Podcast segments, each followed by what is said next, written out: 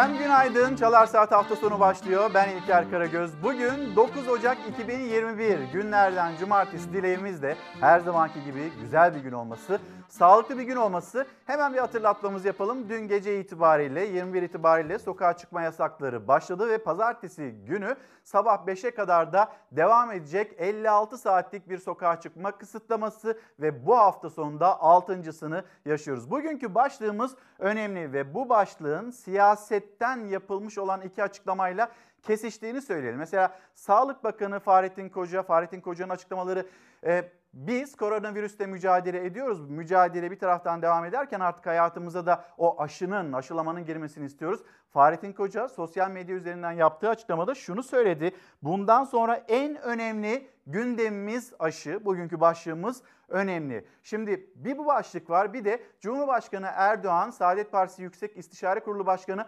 Oğuzhan Asil Türk'ü ziyaret etti ve bu ziyaretle ilgili cuma namazı çıkışında da hani neden böyle bir ziyaret gerçekleşti diye sorulduğunda bir nezaket dedi, diğeri de ittifak. Yani önümüzdeki günlerde Millet İttifakı'nda olan Saadet Partisi acaba Cumhur İttifakı'na kayar mı, kayabilir mi?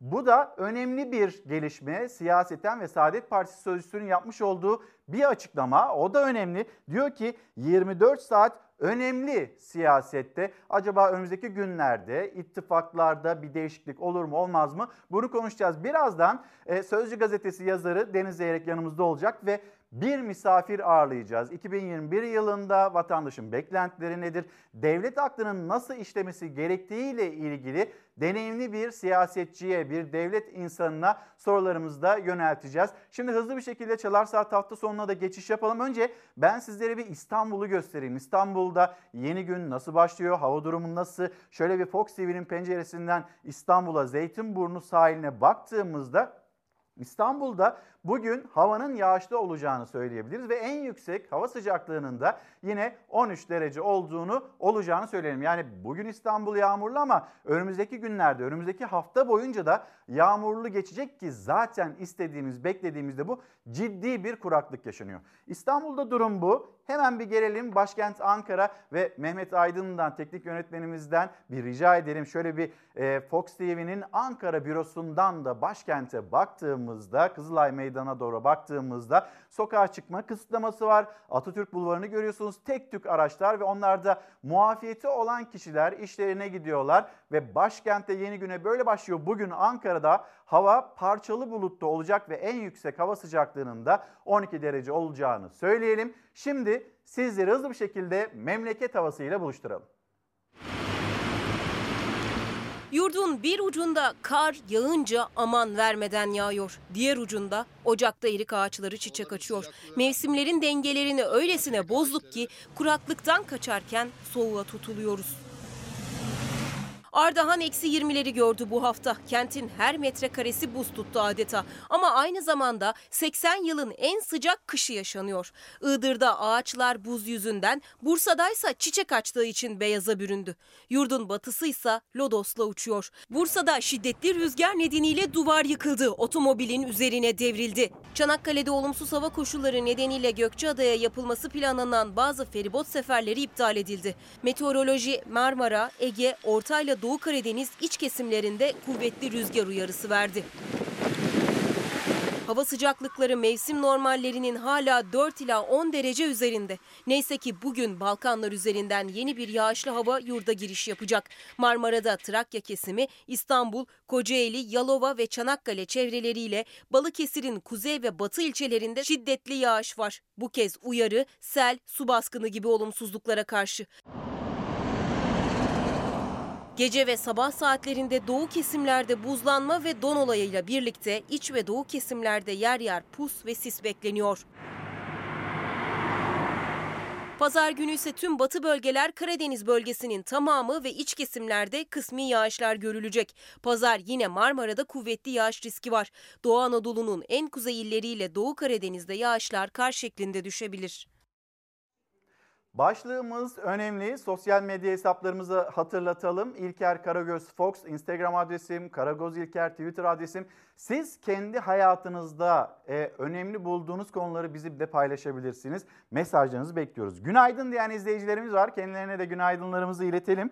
Ahmet Samit Çevik, e, Şanlıurfa Viranşehir'den şu anda gündemi takip eden ve bize günaydın diyen izleyicilerimizden. E, bir izleyicimiz hemen ismine de bakayım. Nihat Akan günaydınlar. Yurdumuzun güzel insanları sağ olun var olun insanlık için büyük bir katkıda bulundunuz.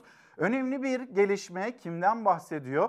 Türkiye'yi gururlandıran ve bütün dünyaya umut olan iki Türk doktordan bahsediyor. Özlem Türeci'den bahsediyor, Uğur Şahin'den bahsediyor ve bugün sosyal medyada da ben de yine bunu paylaştım. Neden? Hemen ekranlarınıza taşıyalım. Time dergisi 2021'in ilk özel sayısında aşı devrimi manşetiyle dünyaya umut olan İki Türk doktora Özlem Türeci ve Uğur Şahin'e yer verdi ve bir kez daha göğsümüzü kabarttı. Yani 1973 yılında işte geçen hafta da bunu paylaşmıştık. O dergilere yine kapak olan Türkler 1973 yılında Almanya'nın arka sokaklarında yaşayan Türkler 1 milyon Türk Almanya'nın gettosunda 1 milyon Türk manşetleri atılırken şimdi 2021 yılında işte o Türkler, o Türklerin başardığı ve bütün dünyaya aşılamış oldukları ya da olacakları o umut koronavirüs mücadelesinde.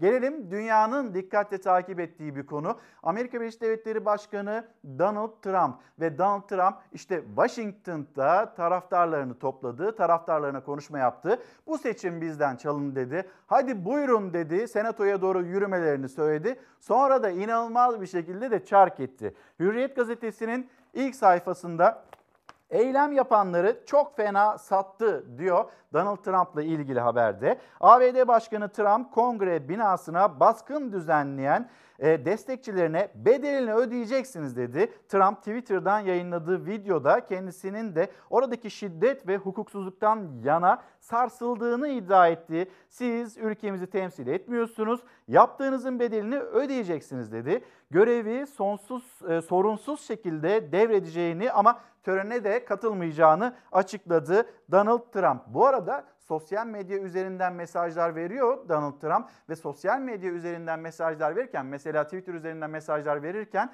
e, Twitter kendisine hem de belki de hani sosyal medyanın en önemli yaptırımlarından bir tanesini uyguladı ve Donald Trump'ın yaklaşık 90 milyon takipçisi var kendisinin. Donald Trump'ın hesabını da askıya aldı. Şimdi Hürriyet gazetesinin bu durumu böyle aktarırken Milliyet gazetesi manşeti artık çok geç başkan. Amerika Birleşik Devletleri Kongresi'nin işgal edilmesine neden olan olayları tetikleyen Trump tavır değiştirdi. Hukuku çiğneyenler bunun bedelini ödeyeceksiniz. Gazetelere baktığınızda destekçilerini nasıl sattığını anlatan ya da e, başlığa taşıyan açıklamalar bulunuyor, haberler bulunuyor. Milliyet gazetesinden, Hürriyet gazetesinden aktardıktan sonra bir de Ankara'nın tepkileri. Ankara zaten bu olaylar olduğunda hem demokrasi hatırlatması yaptı Amerika Birleşik Devletleri'ne ABD Başkanı Trump'a ve destekçilerine bir diğer taraftan da dün yine Cumhurbaşkanı Erdoğan kameraların karşısındaydı ve yine Erdoğan kurmuş olduğu cümle demokrasi için yüz karası şeklindeydi. Şimdi o açıklamalar.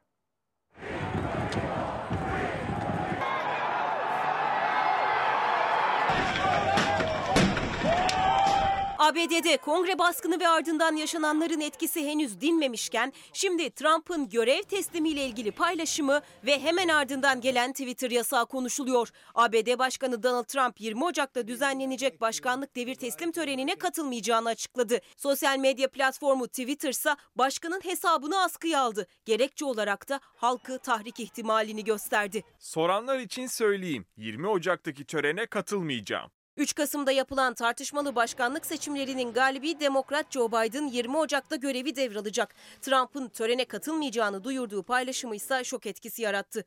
Trump'ın törenden önce Washington'dan ayrılarak Florida'daki evine gitmesi bekleniyor.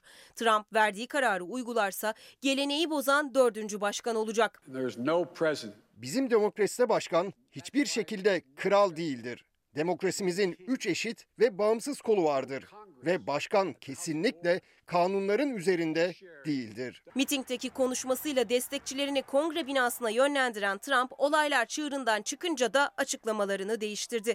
4 saatlik kongre işgali sonrası Trump kameraların karşısına geçti, şiddet olaylarını kınadı. İşgalcilere bedel ödeyeceksiniz dedi. To those who engaged in the acts of violence and destruction, you do not represent our country.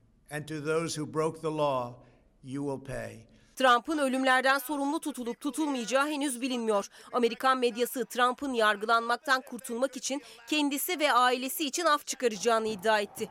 Olası bir af durumunda Trump ekibinin bunun yasal ve siyasi sonuçlarını tartıştığı öne sürüldü.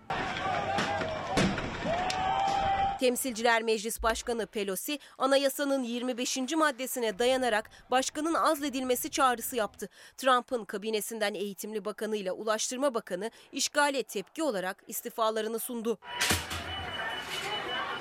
demokrasi için bir yüz karası olduğunu görüyoruz. Çünkü lafa geldiği zaman demokrasinin beşiği diye ifade edilen Amerika'daki bu süreç gerçekten tüm insanlığı şok etmiştir, şaşırtmıştır. Cumhurbaşkanı Erdoğan ise yaşananların kendisini şaşırttığını söyledi. İster demokrat ister cumhuriyetçi olsun Amerikan yönetimi ve basının tutumuna dikkat çekti. Hatırlayın 15 Temmuz darbe girişiminde sessiz kalan, gezi olaylarında yine hatırlayın Amerika'nın tutumu çok çok farklıydı.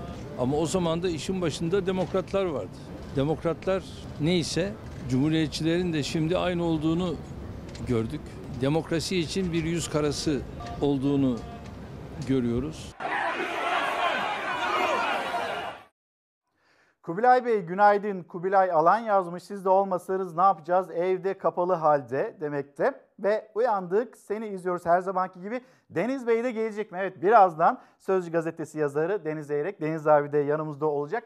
Bir de misafir ağırlayacağız. Amerika Birleşik Devletleri'ni konuşuyoruz. Ama orada çok fazla böyle kalmayalım istiyoruz. Türkiye, Türkiye'deki e, önemli gelişmeler bunları hep birlikte konuşalım istiyoruz. Ve yine vatandaşın gündemindeki en önemli, en e, kıymetli bulunan e, konular, başlıklar, ekonomi, esnafın durumu, işte asgari ücret, asgari ücretle geçinilir mi, geçinilmez mi, memurların almış olduğu zamlar ya da yaşanılmış olan işte hak kayıpları. Bunları yine hep birlikte konuşalım istiyoruz ki zaten Çalar Saat hafta sonunda birlikte konuşarak gerçekleştirdiğimiz bir program. Tuna Hanım günaydınlar, selamlarımızı iletelim sizlere de. Cengiz Bey İzmir'den günaydın diyor. Saadet Hanım da İstanbul Bakırköy'den. Şimdi Milliyet Gazetesi manşetini okuduk. Milliyet Gazetesi'nde kalalım. Yine önümüzdeki günlerde maalesef dikkatle takip edeceğimiz ve bir sıkıntı olarak karşımıza çıkacak olan konulardan bir tanesi kuraklık.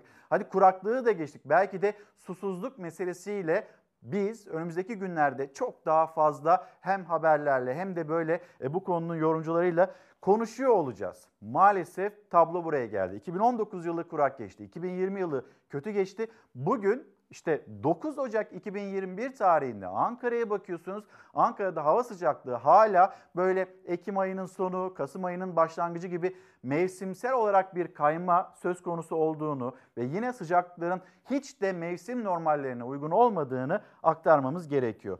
Sonunda kurudu.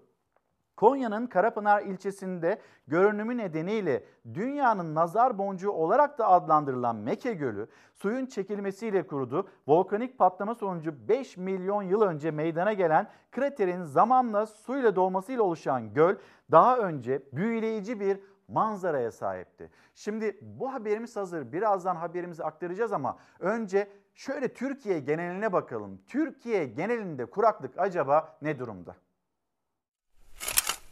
Toprak kuru, barajlar boş, kuraklık kapıda. Toprak ekilse bile ne kadar verimli olacak belli değil. Kuraklık Türkiye'nin en önemli sorunlarından biri olmaya hazırlanıyor. İstanbul'da barajlarda su son 10 yılın en düşük seviyelerine kadar indi. Sular çekildi, ortaya baraj tabanına atılmış çöpler çıktı. Tokat'ta toprak o kadar sert ki çiftçiler ekim yapamadı.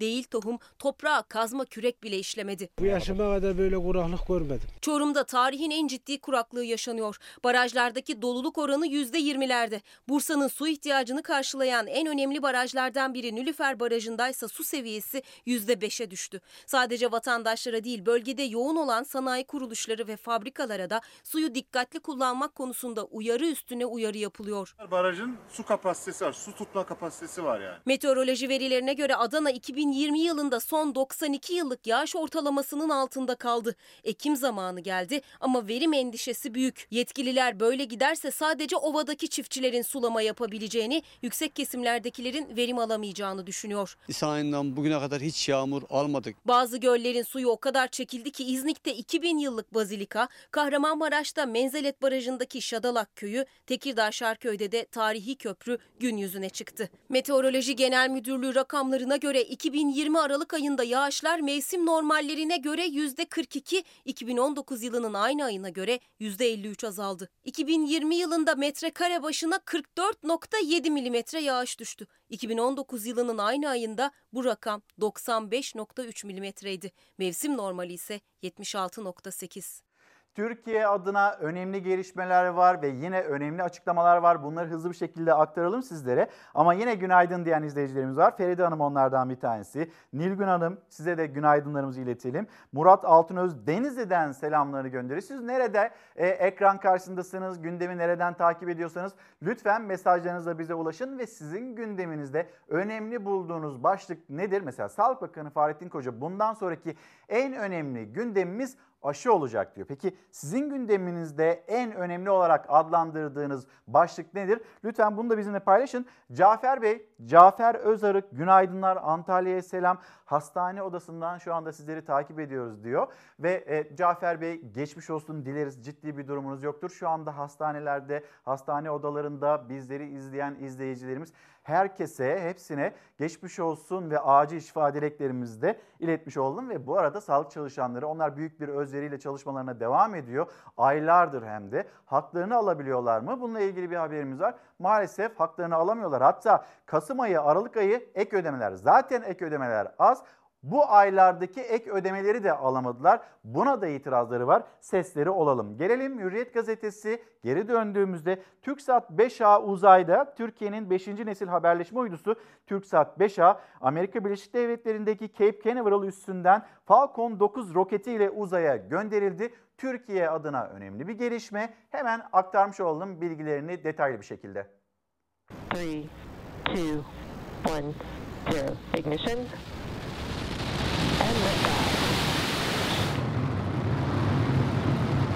Kanatlar açılmaya başladı. değil mi? Evet. Evet. TürkSat 5A uydusu uzaya fırlatıldı. Kalkıştan 35 dakika sonra ilk sinyal alındı. Amerika Birleşik Devletleri'nin Florida eyaletinde Cape Canaveral üssünden fırlatılan uydu 32 yıl boyunca televizyon yayıncılığı ve veri haberleşmesi için hizmette olacak. Türkiye haberleşme alanında tarihi bir gün yaşadı. TürkSat 5A SpaceX firmasına ait Falcon 9 roketiyle uzaya gönderildi. Uydu doğu yörüngesindeki konumuna ise 4 ay sürecek yolculuk sonucu ulaşacak. Türkiye saatiyle sabah 5.15'te fırlatılan uydudan kalkış saatinden 35 dakika sonra ilk sinyal alındı. İlk sinyalde geldi hiçbir sıkıntı yok. Yolcu, yolculuğa devam ediyor 5A uydumuz. Ana vatan, mavi vatan, peşinden de uzay vatan. Ulaştırma ve Altyapı Bakanı Adil Kara İsmailoğlu uydunun fırlatılmasını uydu gözlem merkezinden takip etti. Yakında tüm dünyaya uzaydaki varlığımızı göstereceğiz dedi. 5A'yı gönderdikten sonra artık uzaydaki gücümüz de artmış olacak. Hem de bizim yayın kalitemiz ve yayın kapasitemiz de kapsama alanımızı çok genişlemiş olacak. Bunlar tabii ülkemiz için gurur veren işler. İnşallah bu bittikten sonra artık 5B'nin fırlatma planlarını yapacağız. Onu da inşallah yine burada e, Haziran ayı gibi e, planlıyoruz. Peşinden de yerli ve milli uydumuz 6A gelecek. Onun da çalışmaları yoğun bir şekilde devam ediyor. Tamamen kendi uydumuzu üreten bir ülke olarak artık uzayda da varlığımızı bütün dünyaya göstereceğiz. Yeni fırlatılan uydu Türkiye, Avrupa, Orta Doğu, Kuzey Afrika, Orta Batı Afrika, Güney Afrika, Akdeniz, Ege Denizi ve Karadeniz'i kapsayacak. Televizyon yayıncılığı ve veri haberleşmesi hizmetleri sunacak. While new experiences inspire great ideas. Bir de önemli açıklamayla devam edelim. Jandarma Genel Komutanı Orgeneral Arif Çetin, jandarmanın e, mezuniyet töreninde önemli cümleler kurdu ve orada bu kış PKK'nın son kışı olacak dedi. Şanlı Türk tarihine adını altın harflerle yazdıran, vatan ve bayrak aşkını yüreğine nakşeden, al bayrağı uğruna şahadete yürümekten bir an bile geri durmayan jandarma komandolarımız, vatanına göz diken teröristleri inlerini dahi bulup avlayacak bir şahin gibidiler. 2020 yılında PKK örgütünün her yerde inlerine girmiştir. 2021 yılında da girilmeye devam edeceğiz. Bu kış PKK'nın son kışı olacak. İşte bu zaferi sağlayan, bu başarıyı kazanan bu kahraman gençlerimizdir. Kahramanlarımızdır. Onlarla ne kadar övünsek, ne kadar gurur duysak azdır.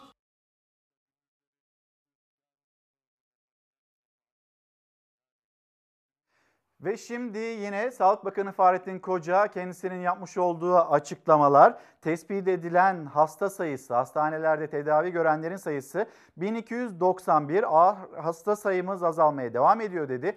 Hastane yükümüz umut verici şekilde azalıyor. Vaka sayılarındaki düşüşü kalıcı kılmak elimizde. Kısıtlama ve tedbirlere tam olarak uyalım. Birlik olalım ve birlikte kazanalım. Sosyal medyadan Sağlık Bakanı'nın yapmış olduğu açıklama ve hemen dünün tablosuna baktığımızda vefat edenlerin sayısı maalesef hala yüksek. Önceki dönemlere dair hani düşüyor olduğunu gözlemlesek de yine 186 kişinin bu virüs nedeniyle hayatını kaybettiğinin bilgisi burada tabloya yansımış durumda. Hemen bir bakalım Türkiye'nin koronavirüs tablosuna ve yine hani bu can kayıpları yüksek seviyelerde devam ediyor. Bu arada yönetmenimizden ben bir rica edeyim Yeni Çağ Gazetesi. Yeni Çağ Gazetesi'nin manşetini de aktaralım öyle gidelim habere. Korona için kritik 10 gün uyarısı. Profesör Doktor Gündüz kas ve eklem ağrılarıyla başlayan bulaşının bu süreçte akciğerlere indiğini söyledi. İnatçı öksürük, düşmeyen ateş gibi belirtilerin hastalığa eşlik ettiğini ifade eden Profesör Doktor Hasan Murat Gündüz, hastalık kritik sürece genellikle 10 gün sonra gidiyor dedi. Virüsün sinir hücrelerine karşı etkinliğine dikkat çeken Profesör Doktor Gündüz, tat ve koku kaybıyla unutkanlık ve benzeri bulgular bu virüsün tahribatıdır ifadesini kullandı. Herhangi bir belirtiyi göstermeden test yaptırmanın doğru olmadığını vurgulayan Gündüz, test alanında yoğunluk varsa merak yüzünden enfekte olabilirsiniz. Bu uyarıyı da yaptı. Şimdi bu uyarılarla da Türkiye'nin koronavirüs tablosunu aktaralım sizlere. Son dönemlerde ilaca karşı daha çok dirençli ya da daha ağır seyirli e, bir hasta grubundan bahsediyor arkadaşlarımız. Gerçekten çok ağır, uzun süre yoğun bakımları işgal eden bir ağır vaka grubunun olduğu dikkat çekiyor. 3094 ağır hasta yaşam savaşı veriyor. Günlük can kaybıysa neredeyse hiç değişmiyor. Son 24 saatte 186 hasta daha hayatını kaybetti. Koronavirüs salgınında can kaybı 22.450'ye yükseldi. Özellikle hızlı test, izolasyon ve temaslı takibinden taviz vermiyoruz. Goodbye. Dünya Sağlık Örgütü Avrupa Bölge Direktörü ile video konferans üzerinden görüştü Sağlık Bakanı Fahrettin Koca. Doktor Hans Kluge aşı geliştirme çalışmaları için tebrik etti Koca'yı. Zaten en büyük umut da yerli aşıda ama en yakın aday için bile faz 3 çalışmalarına Nisan ayında başlanabilecek. Tabloyu kontrol altında tutabilmek içinse şimdilik tek yol tedbirlerde. Aktif vakalarında 4 Ocak'tan sonra artmaya başladığını görüyoruz. Bizim korkumuz şu, mutasyonun varlığı bir ay içinde hasta sayısının 7,5 katına ulaşabileceği bir kar topu etkisinden bahsediliyor. İşte o kar topu etkisini engellemek için kısıtlamalar devam ediyor. Cuma 21'de başlayan 56 saatlik sokağa çıkma yasağı pazartesi 5'e kadar sürecek. Sağlık Bakanı Koca'ya göre kısıtlamalar etkisini gösteriyor. Son iki hafta içinde İstanbul ve İzmir'de vaka sayısında %40, Ankara ve Bursa'da %60'a yakın düşüş oldu. Uzmanların korkusuysa bu olumlu gidişatı tersine çevirebilecek bir mutasyon ihtimali. Profesör Doktor Bengi Başar son günlerde virüsün bulaşma katsayısının arttığını açıkladı. 4 Ocak'ta 0.85 olan o kritik değer 3 günde 0.98'e yükseldi. Yani virüs daha hızlı bulaşıyor artık.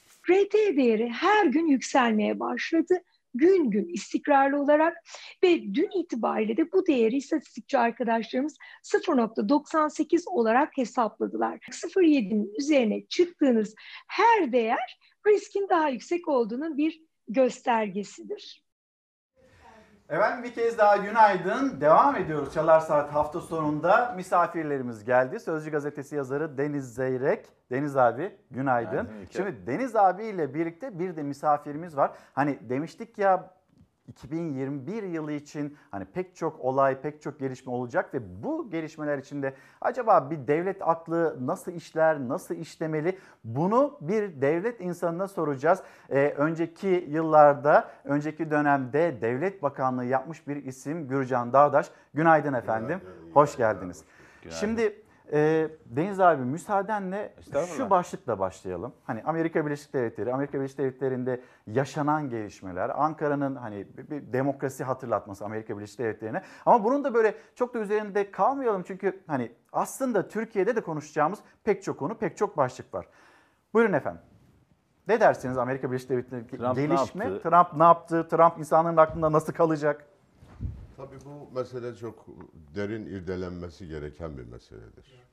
Yani sadece o magazinleşmiş fotoğrafların üzerinden kongre başkanı değerlendirilemez. Hafife alınacak bir şey değildir. Bu aynı zamanda Amerika'nın kendi yarattığı şeytana teslim olmasıdır. Yani etnik, kabile, cemaat, kimlikler üzerinden dünyaya, dünyaya demokrasi e, ayarı vermeye çalışan Amerika e, oluşturduğu, yarattığı şeytanı kendi toprakları üzerinde karşısında buldu. Bu derin bir analize ihtiyaç duyan bir haldir. Yani Amerika ayrışmıştır, Amerika cepheleşmiştir, toplum özellikle bu manada söylüyorum. Amerika'da kurulu müesses nizamla sokağın arasına mesafe girmiştir. Bunun yansıması Trump diye bir e, ismin üzerinden onun söylemleri üzerinden bir patlama noktasına gelmiştir ama bu sadece Trump'la sınırlı bir şey değildir. Bu hal e, bizim yakın coğrafyamızda, asgari kendi topraklarımız üzerinde oluşan cepheleşmenin, ayrışmanın ortaya çıkaracağı kaygılara, endişeleri de bize yeniden hatırlatan bir e, tablodur.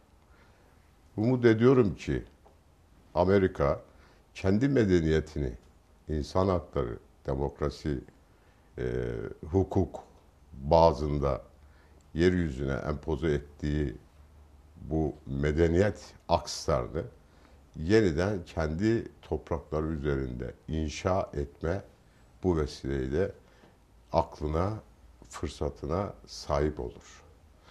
Yani Amerika'nın kendi içerisinde yeniden demokrasisini, insan hakları, hukuku yeniden inşa etmek gibi bir zorunluluğu var. Amerika bin parça yani etnik bazda bin, bin parça, inançlar bazında bin parça, gelir düzeyi açısından bin parça. Düşünün Florida'da kişi başına düşen milli gelir 100 bin dolarken Indiana'da 30 bin dolar. Yani bizim Hakkari, Kars, İstanbul ölçeğinde değerlendireceğimiz bir hal var. İnsanlar netice itibariyle mideleriyle yaşıyorlar.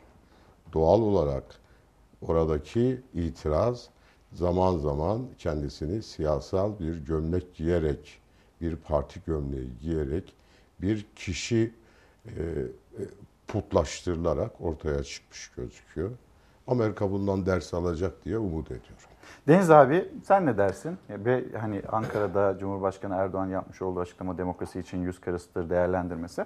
Valla ben çok anlamadım. Trump'ı mı kastetti, Amerika'da eylemlerde yaşananları mı kastetti? Böyle çok şey yapamadım ama tabii ironik bir durum ortaya çıktı. Aslında onu da e, sormak istiyorum ben.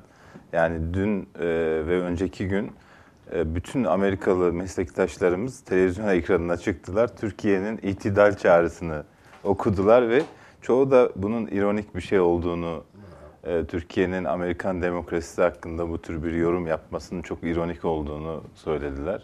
E, ama iyi bir fırsattı. Bizim iletişimciler de iyi değerlendirdi. Yani daha ortada hiçbir şey yokken böyle bir açıklama yaptılar. Dışişleri Bakanlığı, İletişim Başkanı, Meclis e, Başkanı. Meclis Başkanı.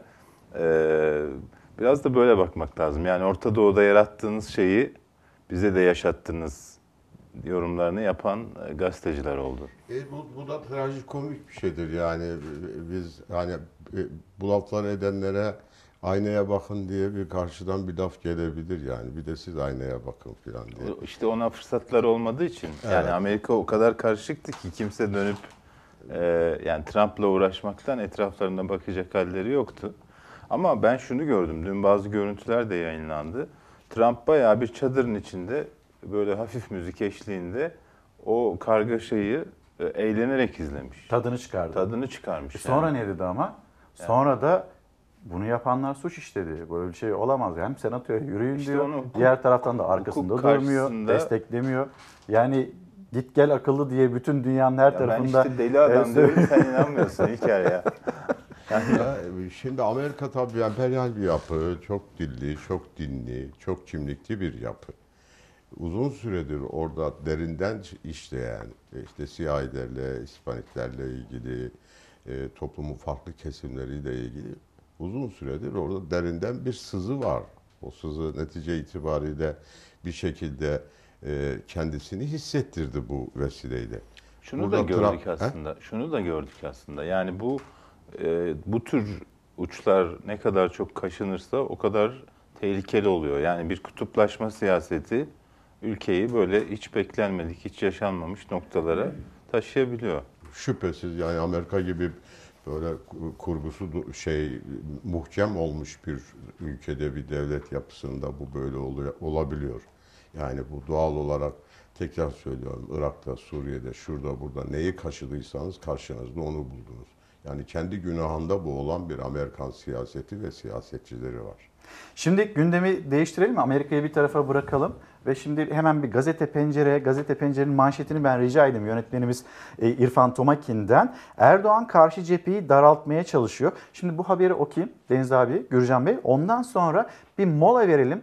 Döndüğümüzde aslında hani Acaba önümüzdeki günlerde 2021 yılında ittifaklarda saf değiştirme olur mu olmaz mı? Bunu konuşmak istiyorum. Şimdi Cumhurbaşkanı Erdoğan son günlerde farklı partilerle yaptığı görüşmelerin ittifak arayışının bir parçası olduğunu açıkladı. Saadet Partisi e, Yüksek İstişare Kurulu Başkanı Oğuzhan Asil Türk'le görüştü ve bu görüşmeden sonra hem nezaket ziyaretiydi bu hem de ittifak dedi. Peki Saadet Partisi bu ittifakı e, gerçekleştirecek mi ya da Millet İttifakı'ndan Cumhur İttifakı'na kayacak mı? Gözler dikkatler Saadet Partisi'nden gelecek açıklamadaydı. Saadet Partisi'nin sözcüsü de dün Halk TV'de katıldığı programda 24 saat önemlidir siyasette dedi. Şimdi ne demek istedi? Bunu konuşalım. Haberimizi reklamların ardından hem paylaşalım hem de değerlendirmenizi isteyeceğiz. Acaba önümüzdeki günler nasıl gelişmelere gebe? Efendim şimdi bir mola verelim döndüğümüzde buluşalım.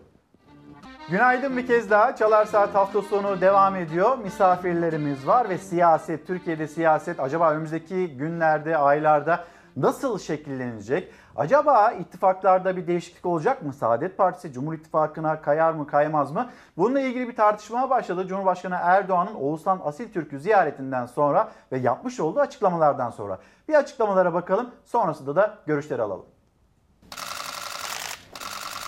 Sayın Asil Türk geçmişte beraber olduğumuz bir büyüğüm. Benim bu ziyaretim hem bir nezaket ziyareti hem de yani bir seçim ittifakı mı olur? Adalet Kalkınma Partisi ve Saadet Partisi arasında bir ittifak görüşmesi şeklinde bunu değerlendirmek doğru olmaz. Cumhurbaşkanı seçim ittifakı görüşmesi dedi. Saadet Partisi sözcüsü doğru değil yanıtını verdi önce.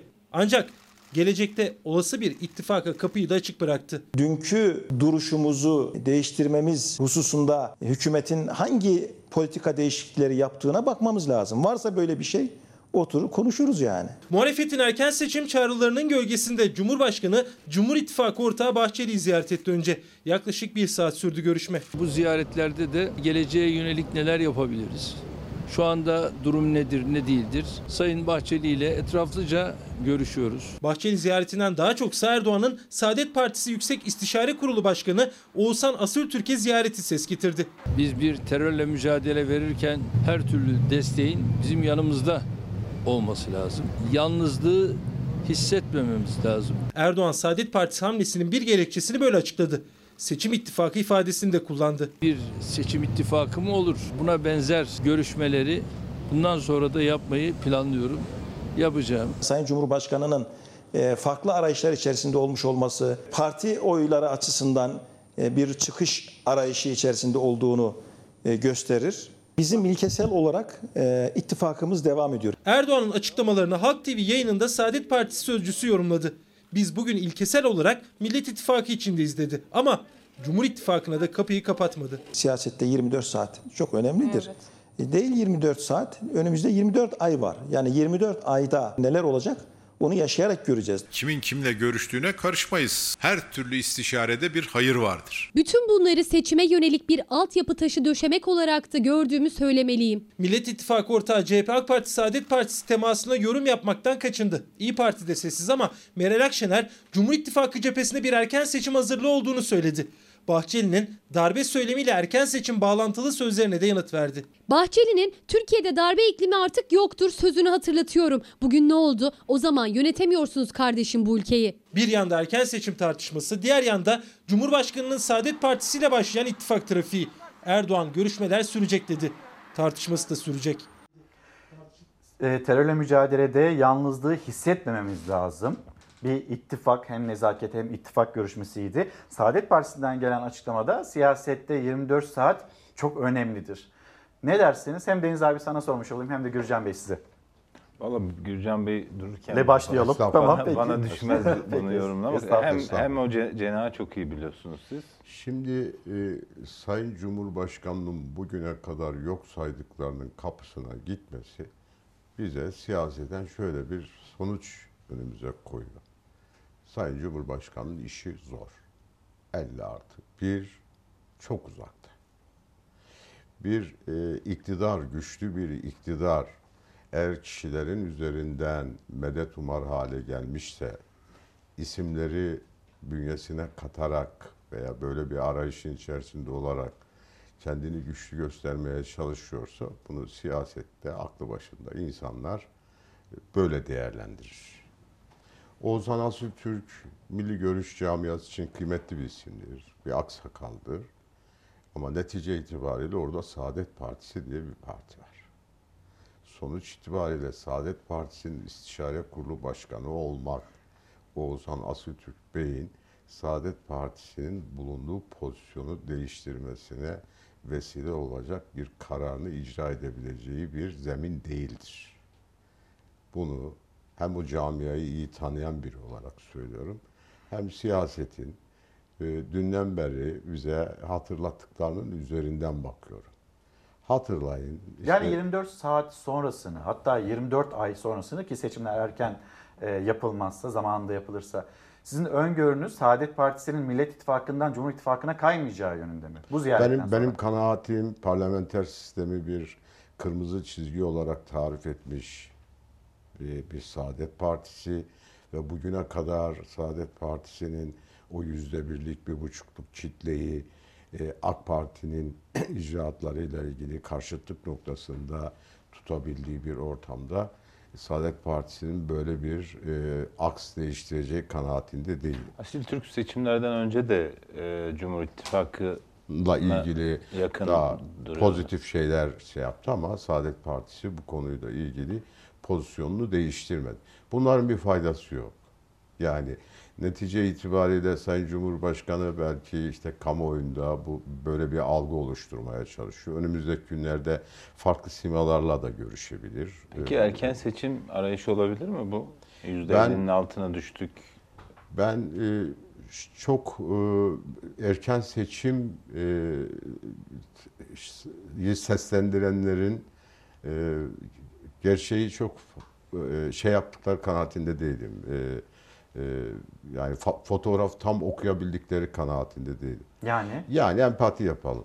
Siz Cumhurbaşkanı olsanız ve 50 artı 1 diye bir e, barajla da karşı karşıya olsanız ve önünüzdeki verilerle de bu 50 artı 1'i realize edebilecek bir seçmen kitlesiyle karşı karşıya değilseniz niye seçime gideceksiniz? Yani? Yani siz de bir erken seçim Mecbur beklemiyorsunuz. mecbur kal- kalırsa ekonomi Ne, ne, yönetilemez mecbur, hale ne, ne mecbur edecek? Sadece ittifak e, yani e, koalisyon ortağı MHP'nin bu konuda farklı bir tavır takınmasının ötesinde ne mecbur edecek? Yani fukaralık ayyuka çıkmış. Bu mecbur ediyor mu? Kimse duyuyor mu bunu? Ekonomi, insanlar perişan, 15 milyon insan işsiz, E, borç 23 milyonun üzerinde icra dairelerinin kapısında sürülen insan var. Bunların hangisi bugüne kadar iktidar için bir anlam ifade etti ki yani bu basınç onu seçime götürebilsin? Kaldı ki hani e, bir seçim yasasıyla ilgili bir değişiklik çalışmanın yapıldığı söyleniyor AK Parti ve MHP cephesinde. Bunların hepsi parlamentoda bir çoğunluğu elde etmek için belki yeterli olabilir bu seçim sistemindeki değişiklik. Ama burada asıl mesele 50 artı 1. Sayın Cumhurbaşkanı'nın kendi şahsıyla ilgili seçim barajıdır.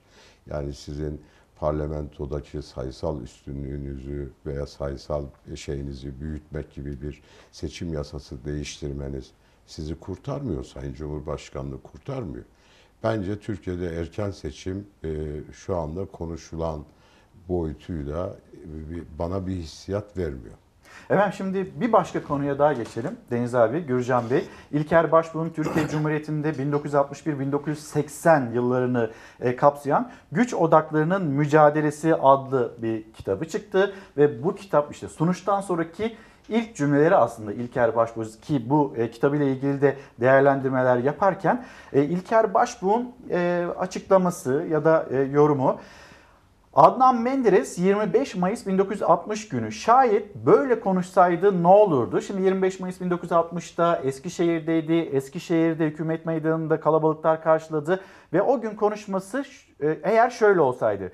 Yolumuz seçim yoludur, serbest seçim yoludur. Memleketimizde demokrasinin yerleştirilmesinin yolu budur. Şimdi burada açıklıyorum. Ekim ayı içerisinde erken seçim olacak. Konuşması böyle tamamlanmıyor. Eğer böyle tamamlansaydı belki de 27 Mayıs darbesi gerçekleşmeyebilirdi. İlker Başbuğ'un e, değerlendirmesi bu şekilde. Sonra 27 Mayıs gerçekleşti. Bunu detaylarıyla anlatıyor. Erken seçim kararı eğer hani bu erken seçim kararını almış olsaydı e, o dönemde Demokrat Parti e, diyor ki hükümete karşı bir askeri darbenin gerçekleştirilmesi aslında milletin siyasi iradesine vurulacak bir darbe olurdu. Darbenin arkasındaki halk desteğinin kaybedilmesi de büyük bir ihtimaldi. Değerlendirmeleri bu şekilde biz yine hani sürekli hani tam ekonomiyi konuşurken bir daha bir darbe gündemi Türkiye'nin e, önüne geliyor. Bunu da değerlendirmenizi isteyeceğim. Ne dersiniz? Sizin tanıklıklarınız da var tabii ki o döneme dair. Şimdi darbeciler için bir seçim olsaydı da niyetlerinden vazgeçerlerdi gibi bir laf niyet okumaktır. Teoridir. Evet, evet. Da- darbeciler için seçimin olup olmamasından öte bir şey vardır. Darbe yapmakla kendilerini yükümlü gören, görevli gören insanların bir takvimi vardır ve o takvim çalışmıştır. İlker Başbuğ da bunu bir hayal olarak anlatıyor. Yani. Hani bir bu- hani fizik böyle laboratuvarında bunu ölçemezsiniz ama bazen bir şeyin değiştir değişmesi Bu zaman pek çok bu değiştirebilir 80'de demek. de 80'de de e, e, aynı şeyler söylendi. Yani seçim olsaydı Süleyman Bey'le e, Ecevit seçim noktasına gelseydi 80 darbesi olmaz. Ben buna inanmıyorum. Darbe seçimle seçimin olup olmamasıyla kendisini e, şey yapan meşrulaştıracak bir zeminde duran bir hareket filan değil. Zaten seçime karşı yani. Seçime Darbe karşı. demokrasiye karşı. bir- Seçime karşı. Şimdi bu darbe lafının çok sık ifade edilmesi, zaman zaman Türkiye'nin gündemine gelmesi bence sorgulanması gereken bir durumdur. Bu sadece AKP'nin seçmenliği, işte Cumhur İttifakı'nın seçmenliği bloklaştırmak, yerinde tutmak için söylenilmiş bir söz gibi gözükse de bu aynı zamanda kaygıları, korkuları da içinde barındıran bir ifadedir. Kimden Ya- korkuyorlar? Şöyle, yani genel kurmay açıklama yapıyor. Cumhuriyete bağlıyız, demokrasiye bağlıyız. Daha Üç gün evvel oldu. Yani siz kim darbe yapacak? Sokaktaki insan mı? Eli silahlı olan insan yapacak darbe. Bizim darbe geleneğimizde kim var karşımızda? Silahlı kuvvetler var. Dolayısıyla silahlı kuvvetlerin bu açıklamasına rağmen hala darbe lafı pişirilip konuşuluyorsa burada bu lafı ifade edenlerin derinde bir kaygıları, endişelerin olduğu gibi bir hissiyat çıkar ortaya. Bunu çok tehlikeli bulurum. Yani Sayın Cumhurbaşkanı, AKP yetkilileri bunu böyle ifade ediyorsa en azından Hulusi Akar, Genelkurmay ve bunlara dönüp bakılması lazım. Denilmesi lazım. Ki Yani sadece bir mağduriyet şeyi değil. ben bence öyle değil ya. Böyle bir kaygıyı derinden bir kaygıyı da hissettiren bir yaklaşımdır.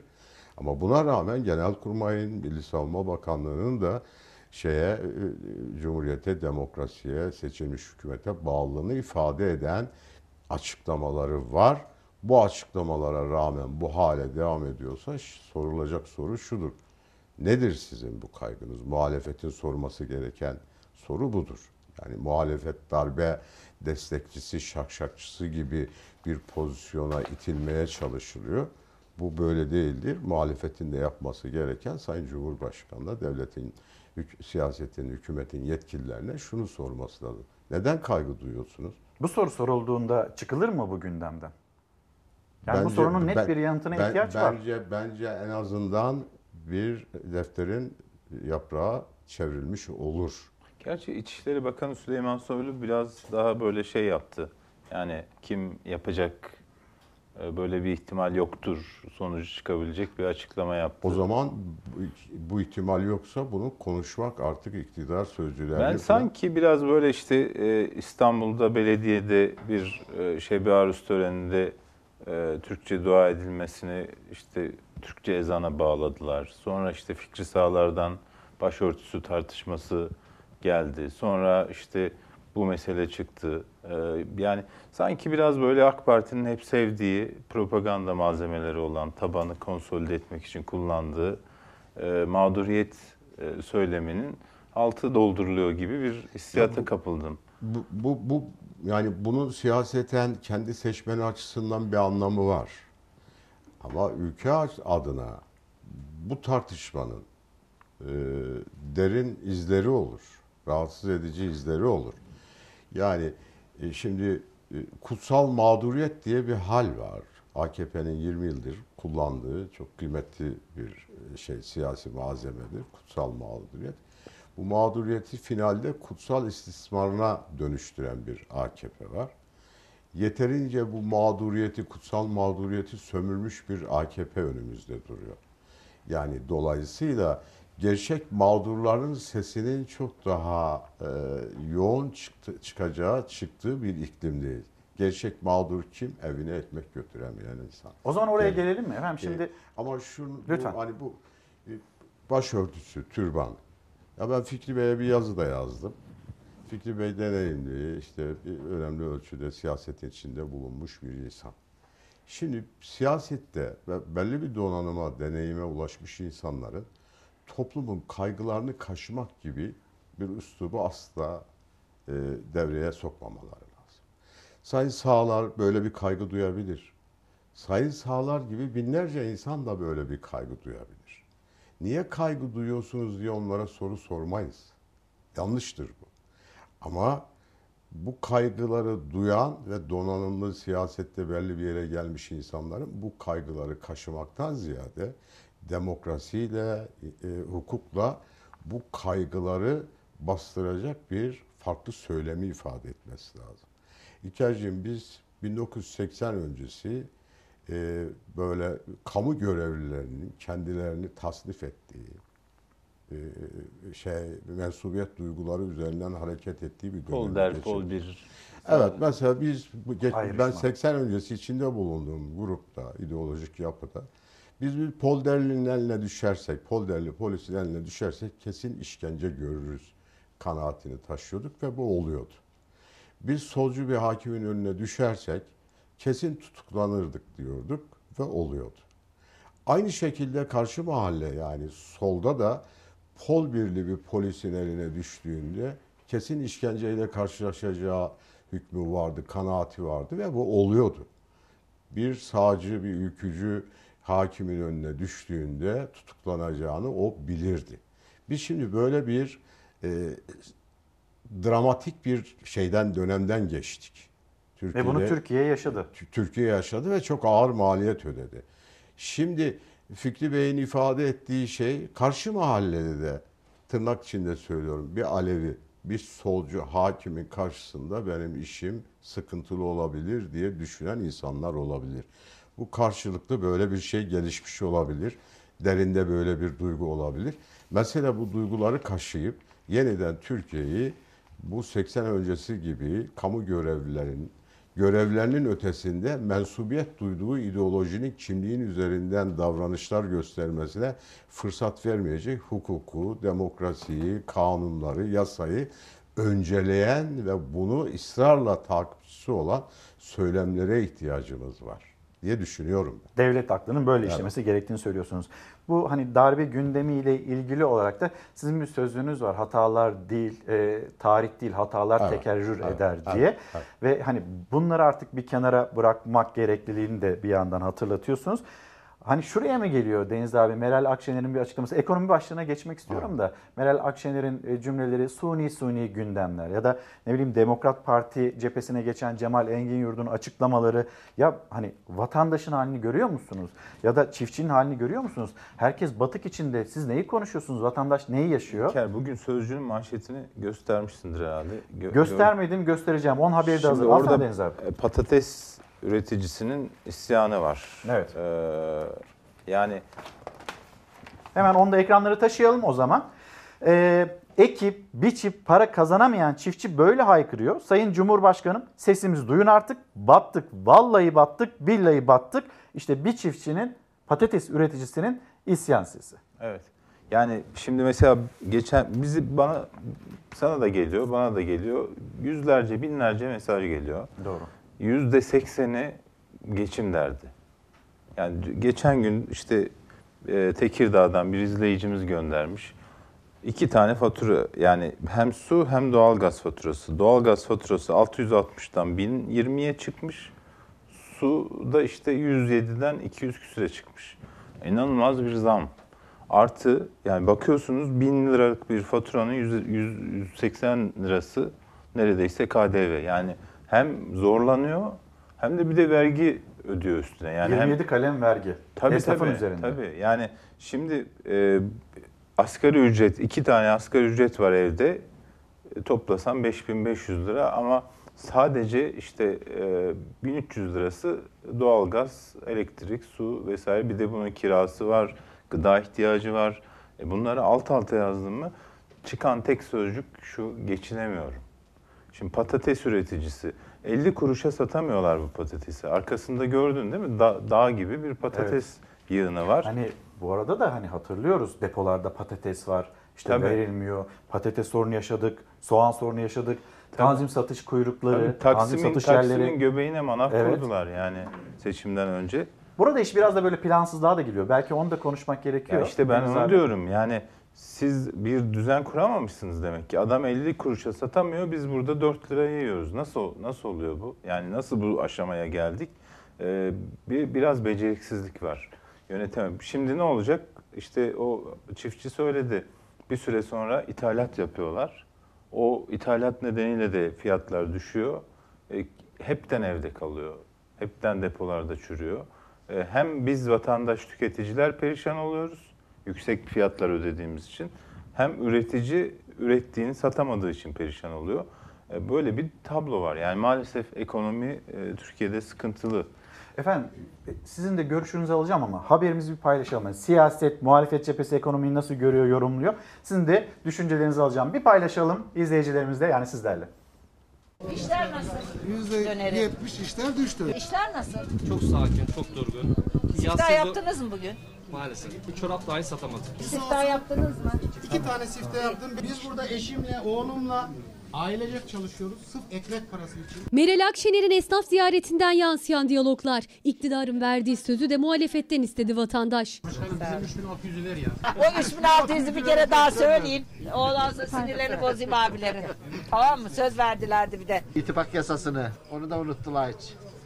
Hay verilen hiçbir söz yerine getirilmiyor da suni suni gündemlerle bağırış çağırış ortada işte daha siftah yapmayan bir mağazanın içindeyiz. Kaç kişi çalışıyordu burada? Burada 8-10 kişi çalışıyordu işte. 3 kişiye düşürdük.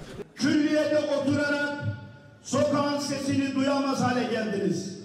Çiftçiden haberiniz yok. Esnaf batıyor. Muhalefet nerede konuşsa memurun, emeklinin, çiftçinin, esnafın, işçinin derdini dile getiriyor. Enflasyonu yani hayat pahalılığını. Karnabaharın fiyatı son bir yılda %101. Ispanağın fiyatı %84. Pırasanın fiyatı %64 artmış. Peynir de artık lüks olmuş. Markette yarım kilo peynir 50 liraya satılıyor. Sayın Cumhurbaşkanı ayçiçek yağına 3 ayda yüzde 40 zam gelmiş 85 lira olmuş. Ama sen hala asgari ücrete yüzde 21 zam yaptım diyorsun. Neyin zammını yaptın? Muhalefet rakamlarla eleştirdi. Cumhurbaşkanı Erdoğan'a kurmaylarını, esnafın, vatandaşın derdini dinlemeye davet etti. Yüreğiniz yetiyorsa sokağa çıkın. Esnafa gidin, halkın yanına gidin. Gürcan Bey, izleyicimiz Özcan Bey yazmış. Diyor ki bütün sene tüm mal ve hizmetlere %100, %50 oranında zamlar gelirken enflasyonu %10-15'lerde göstermek halka yapılan bir haksızlıktır. Paylaştığı mesaj bu. Doğru. Tablo böyle. Esnafın durumu belli, asgari ücretlerin durumu belli. Zaten yapılan e, zamlar var. Onlar yetmezken e, o yapılan zamlar yeni zamlarla zaten uçup gitti. Ne dersiniz? Şimdi İlker'cim ben e, kendimden yola çıkacağım. Ben 12 bin lira emekli maaşı alıyorum. Empati yapacağız. Bir çocuğum var. Evim kendime ait. Ben geçinemiyorum. 12 bin lira alıyorsunuz. Geçinemiyorum. Çocuğunuz var, Lüks, eviniz var. lüks bir hayatım yok. Altında arabam yok. Buna rağmen geçinemiyorum. Şimdi 12 bin lira alan Gürcan geçim sıkıntısıyla karşı karşıyayız. O bankadan o bankaya o krediyi kapatıp öbürüne koşmak zorunda ise Kredi borcunuz da mı var? Evet. Şimdi sizin de belirli bir gelir düzeyinde olduğunuz mesleğinizle ilgili tek uzakta aramayın, kendinizde arayın. Elinizi cebinize soktuğunuz zaman paranızın varlığının ne anlam ifade edip etmediğini yaşıyorsun. Şimdi dönüp asgari ücretli 300 dolar, 250 dolar bandındaki insana ya sen bundan tatmin ol, sen bununla hayatını devam ettir, sana kıymetli bir şey yaptık falan deme şansınız olabilir? Ben Ankara Kalesi'nde ofisimiz. Ankara Kalesi'nin yaklaşık yüzde yetmiş dükkanları kapalı. Peki Ankara Kalesi'ndeki dükkanlar, e, esnaf ne işle meşgul? Ağırlıklı olarak antika ve pahalı malzemeler satan yerler. Yani yukarıdaki gelir grubuna, Üst gelir grubuna hitap eden bir esnaf var. e, onlar da artık ceplerindeki paranın hesabını yapıyor olmalı ki bu dükkanlara gelip alışveriş yapıyorlar ve bunlar kapalı. Şimdi bu bir hakikat. Yani kim e, bir laf edecekse ilk önce bu empatiyi yapmak zorundadır. 12 bin lirayla geçinemeyen bir tek çocuklu bir babanın bu kendi adına değerlendirmesi herkes için emsal olmalıdır. Devlet eski bakanı bu arada. Evet. 1974 Amerikan ambargosuyla beraber Türkiye derin dönemin iktidarlarının da ortaya çıkarmış olduğu bu vurdum duymazlığı da dikkate alarak söylüyorum. Derin bir fukaralık sarmalına girdi. Sonuç ne oldu biliyor musunuz? Bu ülkenin fakir çocukları sağcı solcu diye birbirinin etini yemeye başladı. Fukaralık zamanla kendisine bir ideolojik gömlek giyebilir. Bir itiraz gömleği oluşturabilir. Böyle bir buhranlı bir iklime doğru yol aldığımız kanaatindeyim. Sokağın dilini, sokağın nabzını, sokağın sesini duymamak ancak ve ancak kör olmak, sağır olmak gibi bir durum ortaya çıkarır. Sayın Cumhurbaşkanı sokağı en iyi bilen insandır. Sokaktan geldi. Ve sokaktaki bu feryadı Sayın Cumhurbaşkanı'nın duymaması bana şöyle bir ihtimali hatırlatıyor. Sayın Cumhurbaşkanı artık halkıyla bir araya gelmiyor. Sayın Cumhurbaşkanı halkıyla nerede bir araya geliyor? Meydanlarda, mitinglerde. O konuşuyor, ahali alkışlıyor ve iş bitiyor, gidiyor. Arada sırada bir taksi durağına uğranılır mı? O da önceden acaba programlanmış bir taksi durağı mıdır? Acaba önceden programlanmış bir esnaf mıdır? Bilmiyorum. Arada Öyledir sırada bu muhtemelen çünkü yani Cumhurbaşkanlığı sarayında bir programa gittiğinizde sizden korona testi istiyorlar. Ha. Negatif olduğunuzu kanıtlamanız lazım. Hem de orada yaptırmanız lazım. Yani mecliste şurada burada. Öyle olmasa bile korumalar önden Yani gidiyor zaten. Öyle, bir öyle güvenlik alıyor. e, bu tedbiri alan bir cumhurbaşkanı herhalde bir simitçiye gittiğinde mahallesinde orada çalışanlara eskiden şey önceden şey yapmış oluyordur. Büyük ihtimalle, büyük ihtimalle böyle kurgulanmış bir halkla teması kısmen arada sırada yaptırıyorlar. Şöyle Sayın Cumhurbaşkanı'nın önüne diyelim ki bir e, rapor gidiyor. İşte bu a- bu sene 1 milyon televizyon satıldı. Sayın Cumhurbaşkanı nerede? Bundan 30 yıl evvel bir televizyon aldığımızda bir memur 12 ay o televizyonun parasını öderdi. Çok kıymetli bir şeydi. Şimdi herhalde Sayın Cumhurbaşkanı latife de diyorum. O rakamlara bakınca e, 1 milyon televizyon satılıyor memlekette her şey. iyi filan diyordur. 30 yıl evvelki Buzdolabı, televizyon. He? buzdolabını tercih ediyor. Buzdolabı, televizyon neyse. Hükümet cephesinden gelen açıklamalar var. Aşırı yoksulluğu hallettik. Bu, bu, bu- 2021 yılı şahlanış yılı olacak Bu Cumhurbaşkanı Erdoğan resmen cümlesi. resmen e, yani e, yani çok ileri bir laf olacak. Aymazlıktır. E, bu resmen olup biteni e, görmemezliktir. E, hatta alay etmektir. Hatta alay etmek. Şimdi fukaranın acısı komşuya ilk önce gözünü fukara gözünü diker. Akrabaya diker. Bakın hepimizin yakın akrabalarından borç talepleri vardır. Yardım talepleri vardır. Bilemez o. Bu adam mebusluk yapmış, bakanlık yapmış. Bunda para vardır, bana vermiyor diye buğz etmiş olabilir. Kırgınlaşabilir. Aileleri parçalıyor. Yakın dostlukları bitiren bir Yaşadınız mı süreç. böyle bir şey? Yaşıyorum. Yani netice itibariyle sizin de e, muhtemeldir yaşadığınız bir şeydir. Şimdi bir işin içinden çıkamayız. İlk önce akrabaya döner. İlk önce parası olan amcası oğlu parası olduğunu zannettiği amcası oğluna döner. Teyzesine döner, dayısına döner. Oralardan bir şeyle hayatını bir ayı, üç günü, beş günü geçirebilir miyim diye kendisine kısa vadeli böyle çözüm yolları arar. Buralar tükeniyor. Yani amcada yok, amca oğlunda yok, teyzede yok artık. Onlar da patinaj yapmaya başlamıştır. Peki ne yapacak? Ciddi ciddi bu ülkede bir servet düşmanlığı, bir sermaye düşmanlığı bilinç altında belli bir yere doğru evriliyor. Vicdansızlarla cüzdansızların kavgası tarih boyunca çok pek olmuştur. Çok ağır olmuştur. Bunun maliyetini doğu toplumları da batı toplumları da yaşadığımız şu kısa ömür içerisinde şahit olduğumuz hadiselerin üzerinden de bakıyoruz çevremizde. Çok ağır sonuçları olmuştur. Yani Amerika'da sokaktaki Trump e, taraftarı olan e, bir kısım e, insanın da ekonomik kaygılarının ortaya, işsizliğin ortaya çıkarmış olduğu kaygılarla o kervana katıldığını filan da görmek lazım. Allah muhafaza siyasetçinin, özellikle yönetenlerin önünde çok hassas bir dönemin olduğu idraki zorunludur. Ağızdan çıkan laf dokuz boğumdan çıkmalıdır. Bağırarak, aşağılayarak, yok sayarak, ötekileştirerek, hain ilan ederek bu içinde Terörist bulunduğumuz ekonomik buhranı, bu krizi sokağın tansiyonunun yükselmesine önleyecek bir tedbir geliştiremeyiz. Tüm bu cümleler ışığında e, Gürcan Bey, bugünkü başlığımız da önemli. Türkiye'nin en önemli gündemi nedir? Türkiye'nin en önemli gündemi ekonomidir. Deniz abi. Bence de. Bence de ama tabii bunu şimdi siz işte eski bakanım o işte on- 12 bin lira alıyorum Geçinemiyorum. geçinemiyorum diyorsunuz ama birileri de Borçluyum. analarından şanslı doğuyor.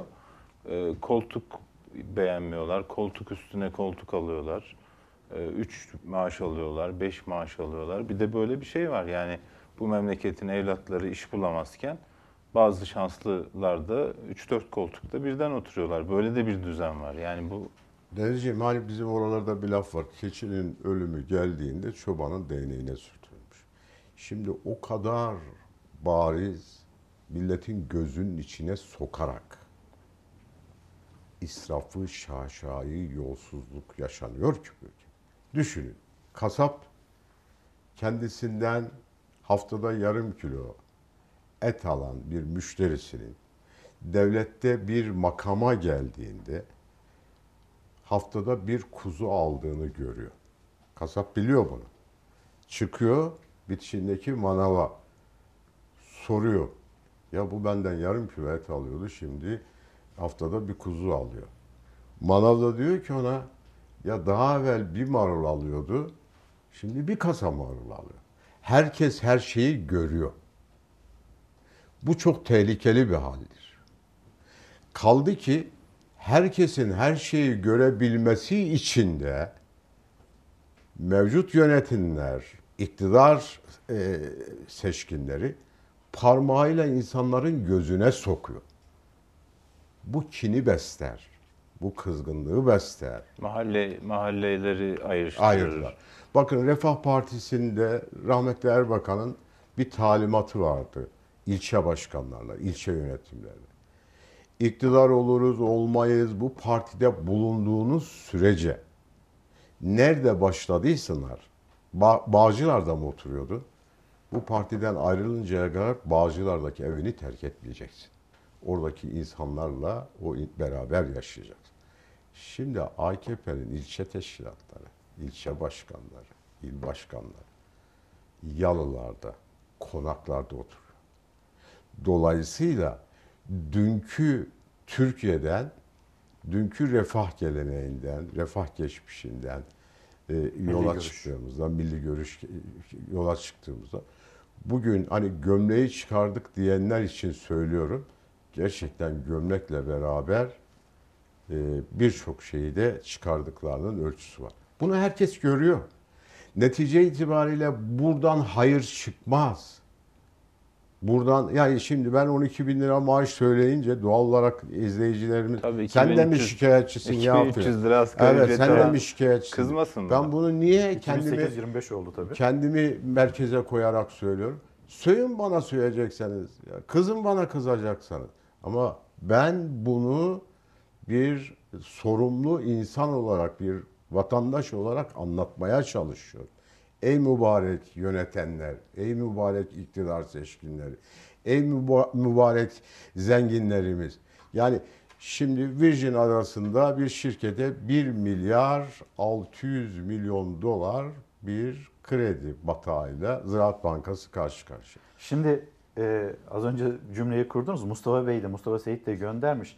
Ben malulen emekliyim. 3 çocuk babasıyım. 1700 lira maaş alıyorum. Ben bu parayla nasıl geçineyim? Şimdi benim diyor. haddim mi ona ya sakin ol işte Allah büyüktür yarın ola hayır ola filan demek yani haddim mi ya? Bir de şöyle bir şey var. Ben en çok da ona kızıyorum vatandaş olarak. Hep böyle geçmişi kötülüyorlar ya. Yani işte buzdolabı yoktu, şu yok. Ya ben biz bir öğretmen, ev kadını, bir anne, dört çocuk yaşadık, okuduk, işte meslek sahibi olduk ve e, mutlu da yaşadık yani. Evet. Bir öğretmen maaşıyla yani işte 70'lerden e, 80'lerin sonuna kadar e, yaşadık. Sonra biz çalışmaya başladık. E Deniz abi emekli ikramiyesiyle ev alabiliyordu. Tabii tabii. Tabii öyle bir şey vardı. Yani bir de bu bu ben, benim mesela en çok kızdığım şeylerden biri. Geçmişi sürekli kötülüyorlar ya. Ya geçmişte böyle bir şey vardı. Bir öğretmen maaşıyla ya hele hele iki öğretmen ya da iki kamu görevlisi evlenmişse e, onlar çift maaşlıdır diye de bir zenginlik ifadesi vardı. Şimdi o da yok. İki maaş alsanız da Denizciğim problem şu. Tüketime çok yoğun açılmış bir toplum var. Tüketim obezi haline getirilmiş bir toplum. Şimdi bir bu tüketime bu kadar açılmış topluma yani düşün işte senin dediğin o tarihlerde biz 10 kalem meyve bilirdik. İşte 7 kalem gıda bilirdik. Buzdolabında veya çilerimizde ne olacak bunun üzerinden bakın. Şimdi yüzlerce meyve öğrendik. Yüzlerce farklı gıdayla tanıştırdılar bizi.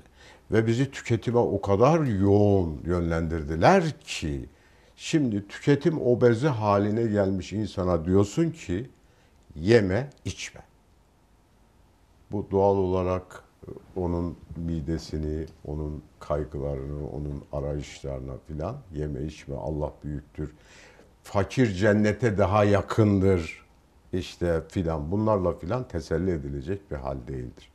Kendisi yemese o tüketim obezi haline gelmiş çocuğu bir hamburgercinin önünden gidince dürtü veriyor. Sok beni buraya diyor. Yani bu Bu kadar tüketime açılmış bir toplumda herkesin eline iPhone Evet. telefon verdiniz. Yani herkese bankaların kapısından soktuğunuz ev aldırdınız. Araba aldırdınız. Netice itibariyle o eve arabaya alan sanki araba kendisinin ev kendisininmiş gibi mişmiş yaptığı bir süre ve onun öyle olmadığını şimdi görüyor. Bankalar, ka- özellikle kamu bankaları emlak ofisine dönmüş binlerce, on binlerce otomobil, hacizli otomobil, otomobil galerisine dönmüş. Yani burada bankacı bankalar artık galeri gibi, e, şey emlak ofisi gibi. Böyle bir hale gelmiş. Yani siz başınızı sokacak bir ev aldığınızı ve size ait olduğunuzu düşünerek soktular bankanın kapısından, köleleştiler. Kapitalizmin en büyük silahı bankalardır bankalar köleleştirir. İktidarlar bu köleleştirmeyi özellikle AKP iktidarı bir takvime bağlayarak 10-15 yıllık iktidarını sadece bankalar üzerinden ahaliye verdiği krediler üzerinden e, idame ettiren bir hal aldı. Göçer toplum ev sahibi olmak filan çok kıymetli bir şeydir. Onlar için nüfus cüzdanından daha önemlidir tapu. Yani hepimiz bir ço- bir çocuğa bir ev alsak, kendimize bir Evet. ev alsak diye çırpınan insanlarız. Şimdi bankanın kapısından sokmuşsun, ona bir ev aldırmışsın. O bu zevki, bu duyguyu taşıyor bir süre, bir iki yıl, üç yıl neyse sonunda o evin kendisinin olmadığını, bankanın olmadığı gerçeğiyle karşı karşıya kalınca cinnet hali oluyor. Çocuğunu kesen babalar. Şimdi bir mesaj daha var. Çok özür dilerim efendim. Benim babam tek öğretmen maaşıyla 4 çocuk okuttu. Meslek sahibi etti. Ben de öğretmen oldum. Doğalgazı ödeyemez haldeyim. Şimdiki durum da budur. Ya şimdi bu, bu öğretmene ne diyeceğiz yani önündeki e, bu dar boğazın içerisinde hangi psikolojiyle bizim çocuğumuzu geleceğe hazırlayacak? Zaten salgın bayağı bir Evet. e, zorlaştırdı işlerini. Son bir cümle alayım. Evet. Allah Buyurun sabır efendim. versin. Şimdi bir 2019 e, giderken 2020'ye çok böyle e, metiyeler dizdik güzel bir yıl olsun diye. İnsanoğlunun fıtratında var. Gideni kötü eksik görür. Gelene de aşırı e, şey yükler. Umut bağlar. Umut bağlar. Biz yine 2020'yi yolcu ederken 2021 ile ilgili bu umudumuzu işte aşırı şeyleri yükledik. Karamsarım. Söylemeyin öyle. Karamsarım. Bu ya halk goygoyculuğu yapayım, pembe tablo çizeyim filan bunlarla filan tabii e, belki hani toplumun motivasyonu açısından bir anlam ifade etse bile ben söylemeye devam edeceğim. 2020'de olanlardan hangisini terk ettik ki 21 başladığında? Yani biz 2021'in başında Sayın Cumhurbaşkanı'nın bölücü, dışlayıcı, kavgacı diliyle başladık. Şimdi ne düzelecek? Bu dil düzelmediği müddetçe, bu zehirli dil, siyasetin dili toplumu tefrik ederek, ayrıştırarak devam edecekse, aklımız başımızda değilse, insan fıtratı böyle bir temenni yapabilir ama o fıtratı akılla buluşturamazsanız, bir önceki yılın gerçek bilançosunu adam gibi çıkaramamış, çıkarmamışsanız 2020'yi, 21'i e, tatsız bir yıl olarak göreceğinize e, dair hüküm kaçınılmaz olarak önünüze gelir. Ama yine de ümidi korumak adına söylüyorum. Duvar ne kadar yüksek olursa olsun gökyüzü ondan daha yüksektir. Umudu devam ettireceğiz. Efendim çok teşekkür ederim. Deniz abi var mıdır bir cümlen? Ben de enseyi karartmayalım diyorum. Enseyi karartmayalım. Karamsar olmayalım. Peki. Umudu beslemeye de devam edelim. Efendim çok sağ olun. Ben teşekkür, teşekkür ederim. Geldiniz, görüşlerinizle katkı verdiniz. Deniz abi biz de yine yarın devam, Devam edeceğiz. 54. Hükümet'in e, Devlet Bakanı Gürcan Dağdaş'la ve Sözcü Gazetesi yazarı Deniz Erek'le Deniz abiyle gündeme şöyle bir bakış attık. Yine biz ekonomiden devam edeceğiz. Bir enflasyona bakalım. Açıklanan enflasyon ve çarşı pazara yansıyan enflasyon. Acaba TÜİK'in rakamlarıyla vatandaşın rakamları tutuyor mu birbirini? Hangisi uygunsa yağ fiyatına bakıyorum. Şu an ilkine girdim daha sonra yandaki diğer markete gideceğim. Un orada uygunsa oradan Tek faaliyetimiz, tek lüksümüz marketleri gezmek şu an. Tökezleyenin borca yenileceği ve kaybedeceği bir yarış gibi. Marketler arasında mekik dokuma, fiyat karşılaştırma, mutfak bütçesini denkleştirme mücadelesinin günlük egzersizi bu pahalılıkta. Artık gücüm yetmiyor. Ne yapacağımızı bilmiyoruz. Yalan söylemiyorum. Bir hafta gelirsen bir hafta gelmiyorum. Tüketicinin en ucuzu arama çabası korakor devam ederken ürünler sebze meyvede de kendi arasında rekabette. Aralık ayının zam şampiyonu patlıcan liderliği domatesten aldı. Aralık ayında fiyatı en çok artan ürün patlıcan oldu. Patlıcanın kilogram fiyatı 7 lira. Ama sadece patlıcan da değil, mevsim sebzeleri de cep yakıyor. Karnabaharın kilosu 7 lira, pırasa ve ıspanağın kilosu da 6 lira. Kısıyorum çünkü biz yiyemiyoruz ki çocuklar yesin diye. Çocuğum bazen çeşit peynir istiyor. Eskiden bir iki çeşit alıyorduk. Diyorum kalmamış markette kalmamış alamıyoruz. Vallahi çok pahalı. Çok pahalı yani alınacak durumda değil. Eller yanay ama para az. Geçen seneye göre bayağı bir yükseldi fiyatlar. Bu sene yüksek yani. Portakal 3 liraya da satıyorduk. Şu an 7 lira, 6 lira. De fiyatları gördüğü zaman zaten vazgeçiyorlar. Tüketiciye göre rakamlar uçup giderken fiyat üstüne fiyat binerken TÜİK açıkladı. 2020'nin enflasyonu %14,6 yani 2019'da 100 liraya alınan aynı ürün grubu 2020'de 14 lira 60 kuruş zamlandı. Daha fazla.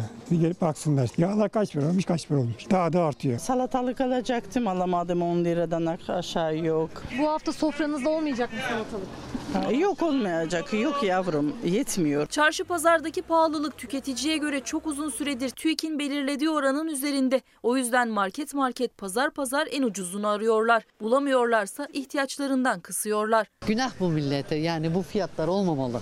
Devletin verdiği şükür olsun yine şükür Allah'ıma ama yetmiyor arkadaş yetmiyor. Kesinlikle enflasyonu yansıtmıyor. Enflasyon çünkü yüzde yüzü aştı ama bize yansıyınca son 12. aya geldiği zaman asgari ücret belirleneceği zaman hemen yüzde 14'e dönülüyor. Yüzde 15 dönüyor. Bu yalan. TÜİK'in açıkladığı vatandaşın yaşadığını karşılamıyor. Piyasaların beklentisiyle Merkez Bankası'nın hesabı da bir türlü tutmuyor. Yani bir tarafta rakamlar ve tahminler, diğer tarafta pahalılık yarışı. Ve resmi istatistiklerde bile yüksek olan %20'nin üzerindeki gıda enflasyonu. Bulamazsın ya 5 lira sınır. 5 liradan aşağı oldu burası bu sefer kalitesiz olur. Pazarda neredeyse 5 liranın altında meyve sebze bulmak zor. Örneğin tam da mevsim sebzesi olan karnabahar 10, brokoli 6, kerevizin kilosu 7 lira ve pırasanın kilosu da 6 liradan satılıyor. Vatandaşın karşı karşıya kaldığı durum bunu konuşacağız. Hayat pahalılığını konuşacağız. Memurların bir zam beklentisi vardı. Asgari ücrete %22'ye varan zamlar yapıldı. Bize niye yapılmıyor? Her şeye peş peşe zamlar geliyor derken memurlarımızı konuşacağız. Esnafımız üzerlerinde 27 kalem vergi var ve çalışanlar onların almış oldukları maaşlar bu senede yine vergiye gidecek. Konuşacağımız konular arasında ama şimdi e, bülten sorumlumuz Özgür Turoğluoğlu Seyhan'ın da hatırlatması Hamsi ile ilgili bir problem yaşanıyor ve bununla ilgili hatta Hürriyet gazetesinde bir haber var. O haberi de bulabilirsem sizlerle paylaşayım. Yani hani olmasın denilen durumlar var, yasak var ama yasağa rağmen Boğaz'ın hali Tarım Bakanlığı'nın ilan ettiği Boğaz'da 10 günlük hamsi avı yasağına rağmen dün yine tekne istilası vardı. Yani yasak var olmasın hamsinin boyu uzamıyor. Biz bunu hani satmaya çalışıyoruz küçücük küçücük hayvanlar hamsiyi avlamayın denilirken yine tablo bu şekilde Hürriyet gazetesinin de hemen logosunun yanında. İsterseniz hemen bir haberinde paylaşalım. Tam da mevsimi ama fiyatı 30 liraya çıktı. Hamsi balıkçıları da tüketicileri de üzüyor. Mevsiminde olunca en çok talep edilen balıktır hamsi. Hem lezzeti hem de fiyatıyla balıkçıya uğrayanların gözdesi. Ama bu yıl öyle olmadı. Karadeniz'de hava sıcaklıklarının mevsim normallerinin üstünde seyretmesiyle daha soğuk olan derin sulara kaçan hamsi balıkçı tezgahlarında da azalınca fiyatı 30 liraya çıktı. Hamsi fiyatları e, bandırmada yerli hamsi şu anda az çıktığı için fiyatlar biraz yüksek. Şu anda 35 lira yerli hamsinin kilosu, 40 lira yerli hamsinin kilosu. Karadeniz hamsi e, biraz daha bol olduğu için fiyat 35 liraya düştü. Önceki sezona göre ava oldukça az, boyutuysa küçük olan hamsi Trabzon'da balıkçı tezgahlarında boyutuna göre 20 ila 30 lira arasında satışa sunuluyor. Balıkçılar hamsinin irileşmesi ve yağlanması için kar yağmasını bekliyor. Karadeniz barbun, Karadeniz barbun 25 liraya barbun. Trabzon'da istavrit 35, çinekop 65, sargan 40, Levrek 60, kalkan 175, somon 50, mezgitse 60 liradan alıcı buluyor. Fiyatlar biraz yüksek. Şu anda 35 lira hamsinin kilosu. 40 lira hamsinin kilosu. Az önce konuşmuştuk. Şimdi haberini paylaşalım. Çiftçi bizim durumumuzu görüyor musunuz? Bizim halimizi görüyor musunuz? Üzerimde inanılmaz bir maliyet baskısı var çiftçi, çiftçiler ve onlar hükümete, Cumhurbaşkanı Erdoğan'a sesleniyorlar. Vallahi billahi bittik diye. Sayın Cumhurbaşkanım lütfen bizim sesimizi duy ya. Vallahi battık billahi battık. Bunu 50 kuruşa 40 kuruşa satmayla biz ekim yapamadık. Çiftçi battı efendim battı. Tarım Bakanı duysun. Ürettiğimiz patates maliyetini kurtarmıyor diyen çiftçiler battık diye feryat etti. Hedeflerinde Tarım Bakanı Pakdemirli vardı. Tarım Bakanın bu işlerde ya bilgisi yok ya da bu işi bıraksın arkadaş ya biz battık ya. Vallahi battık Allah çarpsın battık ya. CHP Niğde İl Başkanı Erhan Erdem patates üreticilerinin sorunlarını dinlemek için gittiği Bağlama kasabasında bir sordu, bina işitti. Ya zaten maliyetimiz bizim burada 1 milyon lira. İstanbul'a götürüyorsun İstanbul'da satışlar 1000 lira, 1100 lira. 900 liraya kadar patates satılıyor. Burada çiftçinin hali perişan. Ben 10 senedir burada baktım arkadaş ya. Çiftçi Burhan Battal ürettikleri ürünlerin maliyetini karşılamadığını anlattı. Cumhurbaşkanı Erdoğan'a seslendi. Borca battık diyen Battal çiftçi biterse ekonomi biter dedi. Çiftçi patatesini kaldırırsa mobilya alır, araba alır, arsa alır, ev alır, çocuğunu verir, altın alır. Her şeyi alır. Burada çiftçiyi batırdın mı bir şey yapamazsın. Mazota, elektriğe, ilaca çalışıyoruz diyen çiftçi çok dertliydi. Hem maliyet yükü hem de ithalatın önünün açılmasına tepkiliydi. Yazık değil mi bana diye sordu. O ithal dışarıdan mal geldi. İstanbul, Mısır'dan. O malları sattık. Bizim patateslerimiz çöpe gitti. Hadi biz bittik. Burada da bittik. Ya bizim sesimizi duyun Allah rızası için ya. Vallahi inan ne borç ödeyebildim ne borç ödeyebilirim yani. Ödeyemem ya.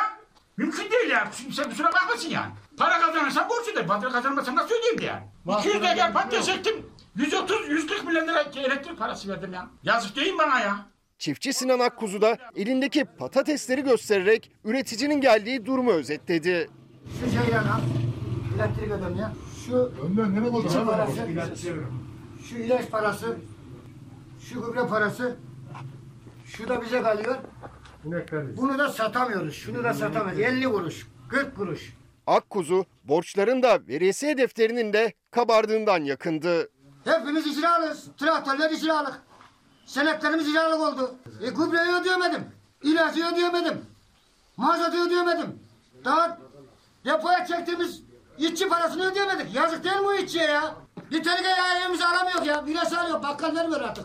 O da bizim, bizim iflas üstümüzü vermiyor. Adam haklı. Efendim şimdi memurların durumuna döneceğiz ama bu meseleyi konuşmamız gerekiyor.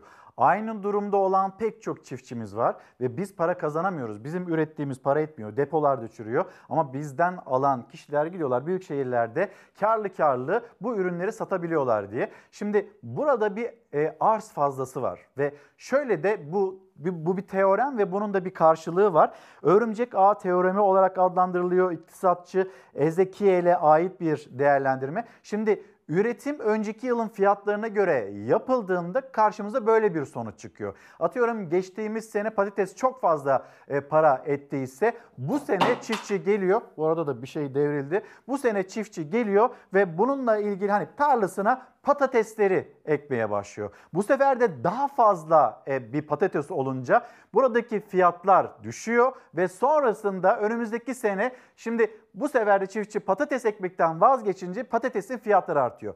Patatesin fiyatı artınca ya bu bir sarmal, bir örümcek ağ sarmalı. Fiyat artınca piyasayı dengelemek için ithalat kartı çekiliyor. E, ithalat kartı çekilince o sene patatesi üreten kazanamıyor. Yani bu sarmaldan bir türlü vazgeçilemiyor. Bu işte bunu da örümcek ağ teoremi olarak adlandırıyor iktisatçılar. Yani buradaki meselenin özü üretim noktasında bizim bir planlamaya sahip olmayışımız. Bir planlama yapmamız gerekiyor ama hala senelerdir aynı şeyi konuşuyoruz. Senelerdir çiftçinin yaşamış olduğu sıkıntıyı yaşıyoruz ve konuşuyoruz, paylaşıyoruz ama hiçbir şey de değişmiyor. Şimdi gelelim memurlar, memurların aldığı zam ve bu zamma tepkileri.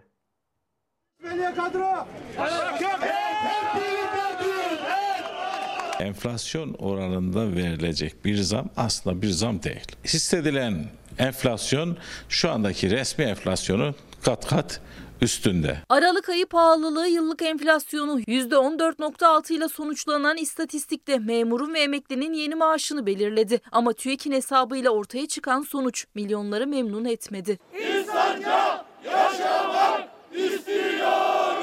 Yeni yıl için memur ve memur emeklilerine gelen zam %7,36, SSK ve Bağkur emeklilerine ise %8,36. İktidara yakınlığıyla bilinen en büyük memur konfederasyonu Memursen tepki gösterdi bu oranlara. Bu hakarettir sözleriyle. Kiraların bu olduğu durumda hayat pahalılığının her gün arttığı bir durumda bunun yeterli olduğunu söylemek yani memurlara bir hakarettir. En düşük devlet memuru maaşının aslında 6 bin 7 bin civarlarında olması lazım. Elektriğe gelen zam ortada. Doğalgaza gelen zam ortada. %19 gıda enflasyonu var deniyor ki bu bunun çok çok üstünde. Peş peşe gelen zamları da hatırlattılar. Asgari ücret oranında gıda enflasyonu seviyesinde zam istediklerini şimdiden masaya koydular. Asgari ücrete %22'ye yakın bir zam yapıldı. Aslında TÜİK şunu söylüyor. Gerçek enflasyonun %22. Hissedilen enflasyon bu. Hükümet enflasyon hedeflerini hiçbir zaman tutturamadı. Şimdi e, hani kuraklığı konuştuk. Kuraklıkla ilgili Meke Gölü ile ilgili hazırlığımız da var dedik. İsterseniz o haberimizi de aktaralım. Döndüğümüzde bir reklamlara gideceğiz. Ne yapıyoruz şimdi Özdur? Reklamlara mı gidelim? Hadi reklamlara gidelim. Reklamların dönüşünde Meke'yi de konuşalım. Ekonomiye dair çok e, haberimiz var. Onları da aktaralım. Aynı zamanda sizlerden gelen mesajlara çok bakamadım. Reklam arasında bakayım ve yine gönderecek olduğunuz mesajları burada paylaşalım. Bir mola dönüşte buluşalım. Günaydın. Devam ediyoruz. Çalar Saat hafta sonunda Hakan Bey yazmış. Lütfen çiftçinin e, sorunlarını gündemde tutun. Çiftçimizin hali içler acısı bu mesajı aktarıyor. Nabi arkada bir şey düştü merak ettim enflasyon mu diyor. Enflasyon zaten düşük Nabi abi. Baktığınızda işte hani vatandaşın enflasyonu o bayağı yukarıda ama devletin resmi rakamları maaşlara zam yapılırken baz alındığında geçen sene 100 liraya aldığınız bir ürün ya da ürün grubunun bu sene aynı dönem için 114 lira 60 kuruş, 114 lira 60 kuruş seviyesinde olduğunu görünce zaten enflasyonun çok da yüksek olduğunu söyleyemiyoruz TÜİK'e bakınca. Vatandaşa baktığımızda yaşadığımızda, hissettiğimizde baktığımızda evet enflasyon, hayat pahalılığı hayli yukarılarda. E, Doktor Aysel Yavuz günaydınlar. E, önemli konulardan çabuk ayrılıyor. Gündemi, ger- gerçek gündemin aktarılmasını istiyoruz. Yani siyaset gerçek gündemi değil de hani Meral Akşener'in aktardığı gibi suni gündemleri maalesef daha fazla gündemde tutuyor e, iktidar cephesi. Bunlardan vazgeçip gerçek gündeme odaklanmamız gerektiğini söylüyor. Bugünkü başlığımız önemli. Önemli başlığı altında sizlerden mesajları bekliyoruz. Bizi takip eden, Çalar Saat hafta sonunu takip eden izleyicilerimiz var. Hepsine günaydınlarımızı iletelim. Sosyal medya hesaplarını bir kez daha hatırlatalım. İlker Karagöz Fox, Instagram adresim Karagöz İlker, Twitter adresim.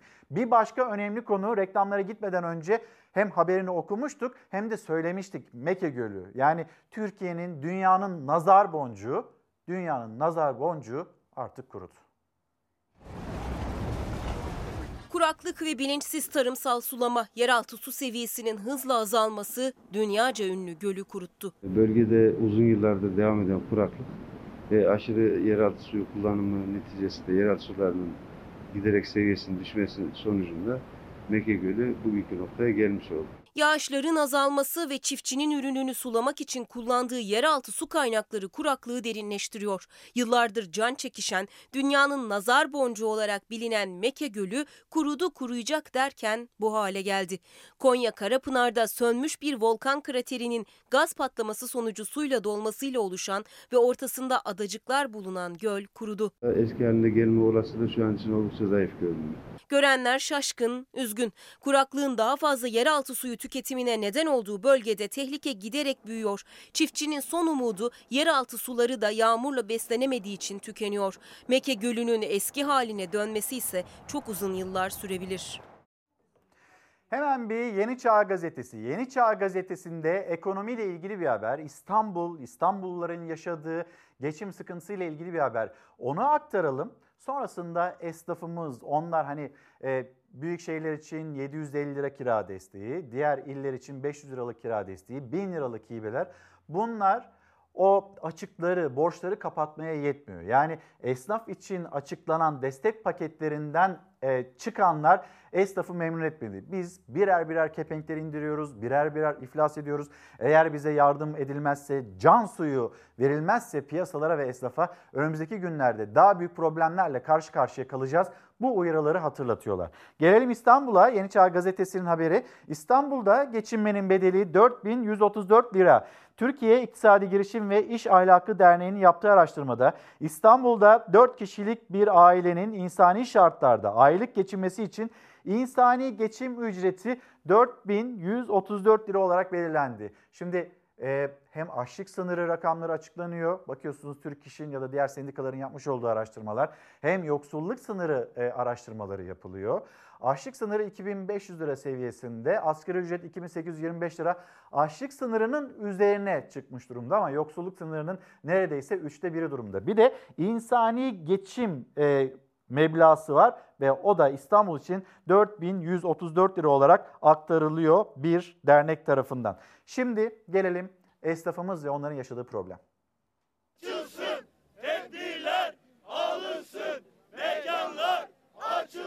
11 aydan beri kapalıyız. Arabamızı sattık. Varsa ev, evimizi sattık. Ya yazık günah ya ben 11 aydan beri kapalı dükkanın hala stopajını ödüyorum ya. 25 bin lira kira veren bir işletme düşünün. Çarpı 11 ay yapın sadece kira bazında baktığımız zaman. Diğerlerini siz tahmin edin. KDV var, stopaj var, gelir vergisi var, damga vergisi var, geçici e, kalıcı vergiler var. Bunların hiçbirinde bir erteleme olmadı. 27 kalem vergi yükü var üzerlerinde. Dükkanları açık olsa ödeyebilecekler belki ama kapalı. Dayanabilecek durumda da değiller. Esnaf iflasla karşı karşıya. Çok zor durumdayız. E, Bizlerle birlikte çalışanlarımız çok zor durumda. Öyle giderse tekel tekel kapanacağız. KDV yaklaşık 10 bin lira ödüyorum. Bunun stopajı var. Bunun %25'ti %10'a düştü. 1000 lirasını ödüyorum. SGK'nın bir de stopajını ödüyoruz. 2000 liraya yakın tutuyor. Yani verginin de vergisini ödüyoruz. Damga vergisi var her ay e, 58 ile 60 lira arasında. Gelir vergisi de 3000 lira falan civarında ödüyoruz. Bunlardan kaçışımız yok. Vergi yükünün omuzlarından alınmasıydı beklentileri. Çünkü pandeminin ilk döneminde yapılandırılan ödemelerin vakti geldi. Ama esnafa destek paketinden büyük şehirlerde 750, diğer illerde 500 lira kira yardımı, 1000 lira da hibe çıktı. Dalga geçer gibi bin lirayla. Kapalıyız. Gelirimiz sıfır. Gideriniz? 40 bin TL. 16 sene elektrik kurumuna para vermişim. Bana tehdit mesajları yazıyorlar. 2246 lira borcunuz görünüyor. Evet, onun için. Ve dükkanlarım kapalı. Ben zaten onun 3 mislisi kadar dükkana stopaj veriyorum ya. 1000 lira neymiş ya? Şu anda benim 2020'nin 19 bin lira vergisi var ödenecek ama ödeyemedik. Hibe yardım diyorsun. Basit usulde olanlar hibe yardım alacak, öbürleri alamayacak. Niye alamıyor? Açıklanan destekler aylardır büyüyen borç açığını kapatmaya yetmiyor. Vergiler de ödenmeyi bekliyor. Kepenk indirip dükkanlarını kapatıp gitseler bile borçlar peşlerinde. Esnaf kendisini ayakta tutabilecek çözümler bekliyor. Gönül Hanım sizlere de günaydınlar. Derya Altınordu, Nigar Hanım, İbrahim Bey, e, Şevdet Keskin e, bizleri takibe alan, gündemi takibe alan izleyicilerimizden yine Yakup, e, Alper Aslan'a da selamlarımızı iletelim. Pandemiyle ilgili haberlere geçeceğiz. E, bu süreçte sağlık çalışanları onların yaşadığı problemler bunu aktaracağız ama bir gün gazetesinde dün sosyal medyada da çok konuşulan bir haber var. Onu müsaadenizle aktarmak istiyorum. Yine emeklilerimiz 1700 lira maaş alıyoruz. Bir maaş, bu maaşlarla biz nasıl geçineceğiz diyen emeklilerimiz var. Onların sesine de ses olmaya çalışacağız ve yetkililere duyurmaya çalışacağız. Evde nasıl kalayım? Çalışamazsam açım. İstanbul'da 65 yaşın üzerinde kadın belediye otobüsünden indirilmek istenince bugün 3 merdiven sildim. Çalışmazsam açım sözü yüreklere ok gibi saplandı. Şimdi sosyal medyaya baktığınızda e, Teyzeciğim 66 yaşındasın. Neden dışarıdasın? Yasak var bilmiyor musun? İşte bu cümleleri çok duyduk. 66 yaşında 3 merdiven silmek, yorulmak ve sonrasında evine gitmek durumunda olan bir kişi dışarıda neden? Hani bunu daha fazla konuşmamız gerekirken o teyzemizi, o büyüğümüzü suçlayan, kızan, tepki gösteren açıklamaları gördük sosyal medyada. Ama bizim asıl konuşmamız gereken insanların geçim derdi içinde, büyük bir geçim derdi içinde olduğunu görmek ve anlamak. Evet ortada bir yasak var ama bu yasaklar içinde bile eğer gidip o üç merdiveni silmezse geçim için bir geliri olmayacak. Böyle bir e, kıskacın içinde insanlar, vatandaşlar. İstanbul Avcılar'da 65 yaş üzeri olduğu gerekçesiyle belediye otobüsünden indirilmeye çalışılan kadının söyledikleri evde kal çağrılarının ne kadar altı boş olduğunu gösterdi. Nasıl kalacak? Kadının maske takılı, hastada değilim. 3 tane merdiven sildim, çalıştım. Ben çalışmazsam açım. Versin bir sipari tamam gitmem otururum sözleri yürekleri burktu. Öte yandan işte yine Hürriyet gazetesine ya da sosyal medya üzerinden kurulan cümlelere itirazı da Bir Gün gazetesi e, manşetine taşıyor. Yaklaşık bir yıldır evlerine hapsedilen 65 yaş üzeri insanların yaklaşık 750 bini halen iş gücünün içinde. Evlerine ekmek götürme derdinde. Türkiye İstatistik Kurumu verilerine göre Eylül ayı itibariyle 65 yaşın üzerinde olup da istihdamda olan tam 772 bin yurttaş bulunuyor. Bakın insanlar emekli olamıyor. İnsanlar çalışmak zorunda. 65 yaş pandemi onlar için riskli çıkmamaları gerekiyor ben çıkmazsam o merdivenleri silmezsem evime ekmek götüremeyeceğim diyen insanlar var. Büyüklerimiz var. Yani o kurallar koyuluyor, uyulması isteniyor. Bir de hayatın, hayatın kuralları var bu insanlar için. O kurallar içinde yaşamıyor. Ben ben ne yapacağım? Verin o zaman parasını evimde oturayım diyen yine büyüklerimiz var. 772 bin yurttaş hala 65 yaşın üzerinde olmasına rağmen istihdam içinde görülüyor. Bunların da tam 119 bini ücretli veya yemiyeli şekilde emeği karşılığında geçinmek zorunda. 65 yaşın üzerindeki ücretli veya yemiyeli çalışanların da 80 bini SGK'ya kayıtlı değil. Yani kayıt dışı çalışan olarak hayatlarını idame ettirmeye çalışıyor. Bu yaşanıyor. Onlar emekli olamıyor. Biz gençlerimize iş bulamıyoruz. Ciddi bir sarmalın içindeyiz. Duyuyoruz 2021 şahlanış yılı olacak. Duyuyoruz aşırı yoksulluğu yok ettik. İşte bir gün gazetesinin manşeti. Evde nasıl kalayım? Çalışmazsam açım. İşte bunu söyleyenler bu teyzemizin yaşadığını da görmek durumunda.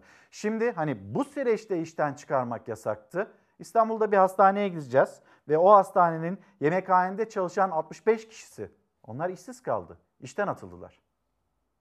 Biz işimizi istiyoruz. Biz emeğimizin karşılığını istiyoruz. Biz 65 kişi sokakta kaldık. Zaten pandemiden dolayı bütün iş yerleri kapalı olması nedeniyle ailemizde çalışan yoktur. Bir tek biz çalışıyorduk. Aynen öyle. Bizi de işsiz bıraktılar. İşimizin başına dönüp Sağlık işimizi istiyoruz. Başka bir şey istemiyoruz. Sağlık çalışanları gibi onlar da pandemi boyunca canla başla çalıştı. Hem kendilerinin hem de ailelerin hayatlarını riske attılar. Ancak ihale başka şirkete verilince yemekhanede çalışan 65 işçi bir anda işsiz kaldı. İşimize geri dönmek istiyoruz. 65 kişinin hepsinin ailesi perişan. Pandemide hiçbir firma, hiçbir işveren kesinlikle işçisini dışarı çıkartmayacak. İşçi çıkartma yok, yasaktı. Neden biz çıktık? Bir de sağlık kurulunda çalışıyoruz. Biz sağlıkçıyız. Sağlık Bakanlığı. Abi Allah rızası için sesimizi duy. Allah rızası için sahip çık. Bizi sokağa attılar. İstanbul'daki Kanuni Sultan Süleyman Eğitim ve Araştırma Hastanesi'nde uzun süredir çalışıyordu yemekhane işçileri. İhaleyi alan şirket kendi kadrosuyla çalışmak isteyince 65 kişi bir anda işini kaybetti. Yeni alınacak çalışan kriterlerinde meslek liselerinin mutfak, yüksek okullarınsa turizm ve otelcilik bölümünden mezun olma şartı arandığı belirtildi.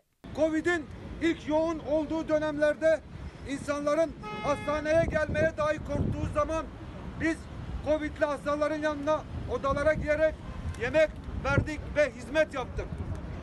Hizmetimizin ve emeğimizin karşılığı bu mu? Pandemi döneminde biz burada hepimiz hasta olduk, çalıştık, devam ettik. Bize şu anda niye sahip çıkmıyor? Bir sürü insan açıkta kaldı. Hepsi ev geçindiriyor. Nasıl olacak bu insanların durumu? Eşlerimiz çalışmıyor. Çalışanlar işlerine geri dönünceye kadar eylemlerine devam edeceklerini açıkladı. Hakkımızı alana kadar devam edeceğiz. İşimize devam edene kadar, başlayana kadar devam edeceğiz eylemimize. Diyorlar ki hizmetimizin ve emeğimizin karşılığı bu mu? Pandemi sürecinde biz de sağlık çalışanlarına destek olduk. Başka bir yerde değiller, başka bir yerde çalışmadılar. Hastanelerde çalıştılar. Ve onlara elinden geldiğince sağlık çalışanlarına e, destek olmaya çalıştılar, servis yaptılar. Onları daha diri tutmaya çalıştılar. Ki bunların hepsini bir kenara bırakalım. Onlar görevlerini yaptılar ve emeğimizin karşılığı bu mu diyorlar. Hani işten çıkartmak yasaktı? Herkesin gözü önünde. İşte bir hastane, Sağlık Bakanlığı bununla ilgili devreye girecek mi, girmeyecek mi? Bunun da takipçisi olacağız. Şimdi orada yaşanılan problemden sonra yine bir gün gazetesinde kalalım. Bir başka feryat Sakarya Hendek'te meydana gelen o patlama, patlama parası olan kazandı. Bu kez öyle olmasın başlıkta o. Hendek patlamasında sevdiklerini yitiren kadınların bu kez parası olan kazanmayacak feryadı temelsiz değil. Önceki davalar endişenin haklılığına işaret ediyor. Burada bir hak arayışı var. Burada meydana gelmiş bir patlama var. İnsanlar yakınlarını, sevdiklerini, kardeşlerini, eşlerini maalesef bu patlamadan sonra feci bir şekilde aldılar. Bu şekilde toprağa verdiler. Ve diyorlar ki haklı bir istektir. Parası olan bu kez kazanmasın. Önceden oluyordu. Artık yeter. Artık bu olmasın. Ben basınla duyuracağım sesimi. Türkiye duyacak, dünya duyacak. Parası olan kazanmayacak. Üç kuruş için fabrikada kölelik yapan kazanacak. Havai fişek patlamasında kardeşini kaybeden Acılı ablanın bu feryadı tüm Türkiye'yi derinden etkiledi. Hatun Tepeçınar o gün yaşananları anlattı.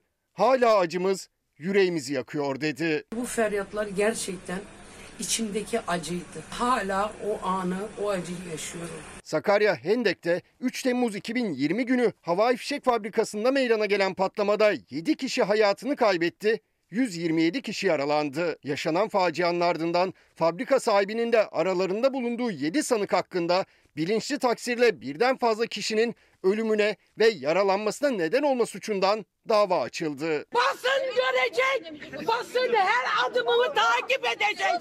Türkiye duyacak Türkiye. bu hale geldi bu Türkiye. Kimse bu Türkiye'de parası olan 3 gün yatıp çıkmayacak. Patlamada hayatını kaybeden Sebahattin Tepeçınar 3 çocuk babasıydı. Çocukları ilk duruşmaya gelemedi ama abla Hatun Tepeçınar oradaydı. Mahkeme salonuna girmek istedi.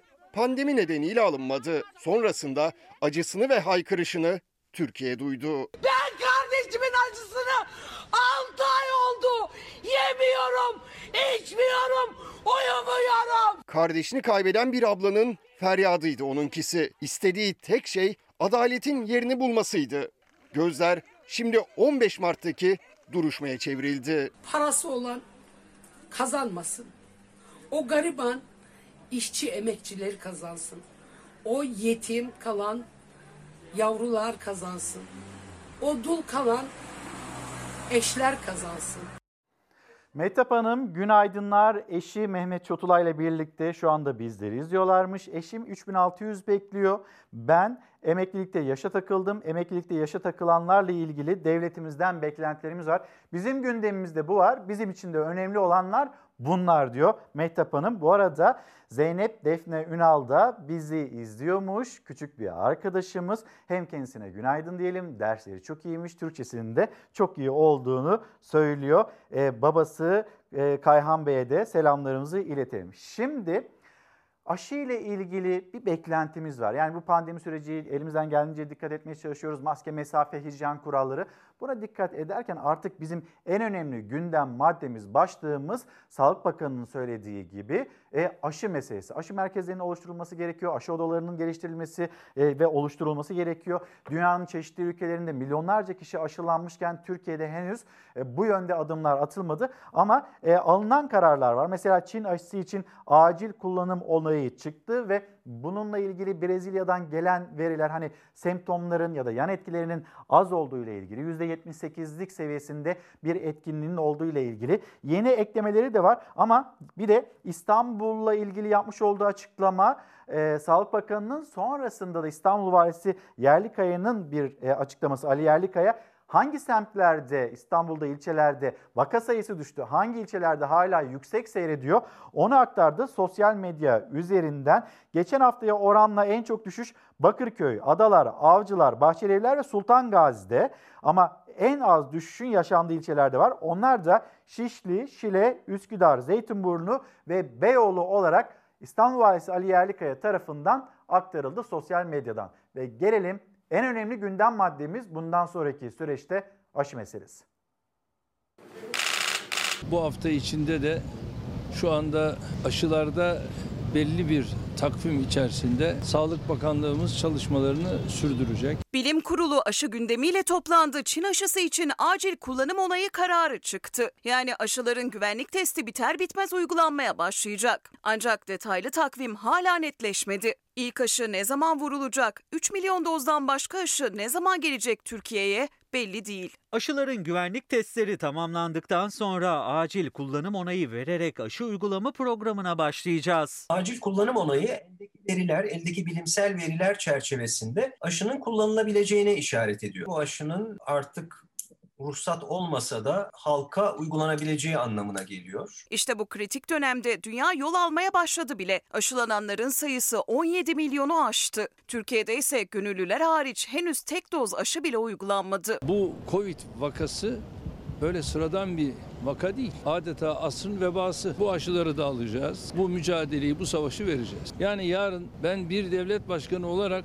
ya şunu niye yapmadık veya yapmadım dememeliyim. Cumhurbaşkanı Erdoğan koronavirüsle mücadelede çıkış yolunun aşıdan geçtiğini söyledi. Evdeki Çin aşısı miktarı ise 3 milyon doz. Faz 3 çalışmasına dair ilk veri sonunda Brezilya'dan geldi. Hafif hastalarda %78, diğer hastalardaysa %100'e kadar etkili bulundu aşı. Sanıyorum ki bu sonuçları da görüp, işte Türkiye'deki sonuçları da görüp böyle bir karar verildi ve aşı artık uygulanabilir hale geldi. Türkiye'de %91 etkin olduğunu açıklamıştı Çin aşısının. Aşı odaları hazırlanmaya başladı. Kısa süre sonra da uygulama başlayacak. Hacettepe Üniversitesi Aşı Koordinatörü Profesör Doktor Murat Akova'ya göre en büyük endişe hala 60 yaş üstüne yönelik. Türkiye'de yapılan faz 3 çalışmada 65 yaş grubu yok. 18 ve 59 yaş grubu arası. Ama Brezilya'daki bir grup 60 yaş üzerindeki gönüllü olduğunu da biliyoruz. Bilimsel açıdan hiç veri yok değil. Ama 18-59 yaş grubundaki gibi bir geniş bir çalışma yok. Acil kullanım onayını takiben büyüklerimiz ve kritik görevdeki kişilerden başlayarak 18 yaş üzerindeki tüm vatandaşlarımızı aşılamayı hedefliyoruz. Rus ve İngiliz aşıları için görüşmeler sürerken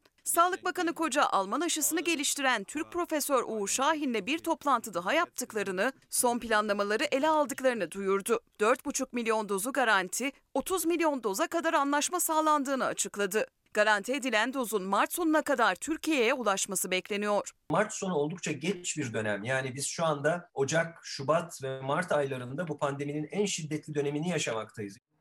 Bugün doğum gününü kutlayan tüm izleyicilerimizin herkesin doğum günü kutlu olsun. Bu arada birlikte çalıştığımız arkadaşımız Gürkan da sevgili eşi e, Sezen Yüce Ata sesleniyor. İyi ki doğdun, iyi ki e, benim hayatımdasın diyor. Sevgi sözcükleri hadi buna da aracılık etmiş olalım. Tolga Bey, Tolga Bey'in mesajını galiba yanılmıyorsam ya geçen hafta ya ondan önceki hafta okumuştuk. Bir kez daha söyleyelim. Diyor ki ben bir senedir işsizim. Üç kez pandemi yardımına başvurdum, alamadım. Ne olacak böyle? Benim önemli gündemim bu. Geçim diyor. Ve Milli Gazete, Milli Gazete'nin ilk sayfasında memur seyyanen zam istiyor. Memur Sen, Genel Başkanı Ali Yalçın, ekonomik sıkıntılar ve döviz kurundaki yükselişle birlikte kamu görevlilerinin alım gücünün düştüğünü belirterek seyyanen zam isteklerini açıklıyor.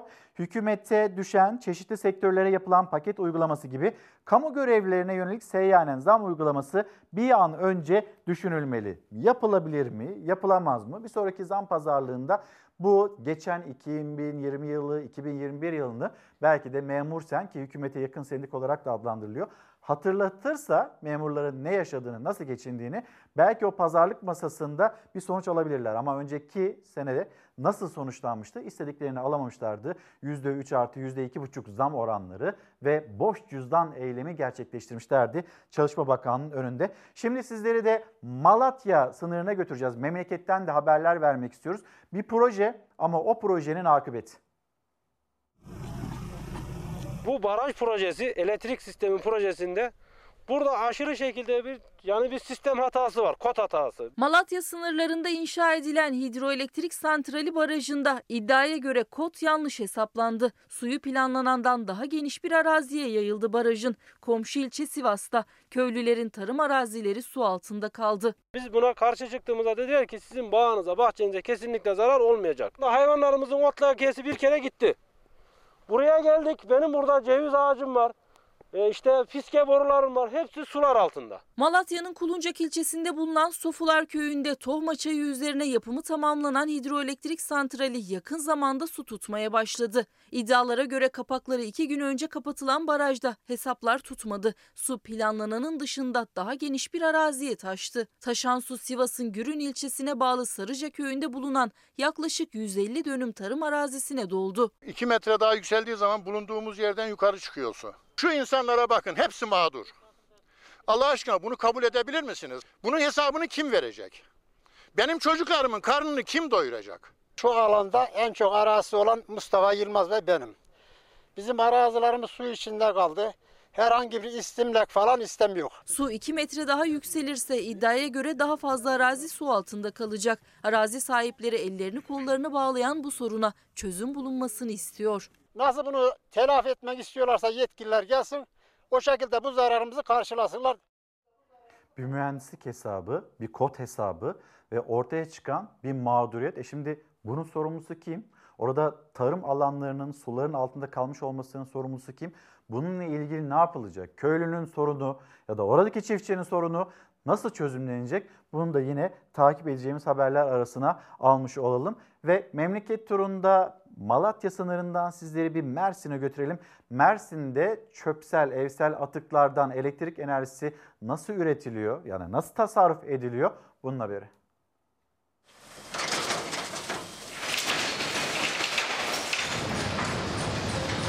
Evimizde biriken atıkları değerlendiriyor, geri dönüşüme katkıda bulunuyor. Biz de ondan faydalandığımız için çok memnunuz. Çöpe giden her atık 72 bin konuta elektrik enerjisi olarak geri dönüyor. Mersin Büyükşehir Belediyesi sürdürülebilir atık yönetimi projesi kapsamında evsel katı atıkları bertaraf ederek hem çevreyi koruyor hem de ekonomik değere dönüştürüyor. Mersin Merkez, Tarsus ve Silifke'de entegre düzenli depolama tesislerinde günlük 1750 ton evsel nitelikli katı atık bertaraf ediliyor. 72 bin konutun yani Silifke, Anamur, Aydıncık, Bozyazı, Gülnar ve Mut ilçelerine yetecek kadar enerji üretiliyor. Güncel olarak her saat 7,5 megawattlık üretmiş olduğumuz elektrik yaklaşık olarak 72 bin konutun aydınlanma enerjisini karşılamaktadır. 72 bin konut demek yaklaşık olarak 300 bin kişiye ifade etmektedir. Belediye 2021'de üretim kapasitesini arttırmayı planlıyor. Mersin'den İstanbul'a dönelim. İstanbul'un meydanları nasıl olmalı? Bununla ilgili projeler yarıştı.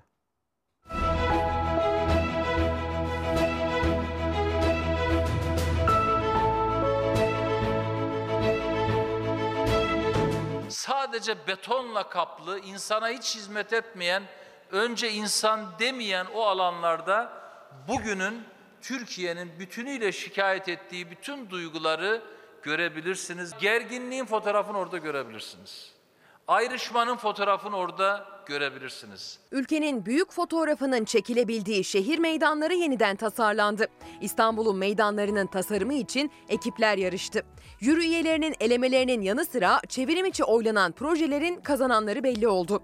İBB Başkanı Ekrem İmamoğlu ödül töreninde şeffaflık ve katılımcılık çağrısı yaptı. Bu aşamadan itibaren bu tasarımlar bu şehrin 16 milyon insanına aittir.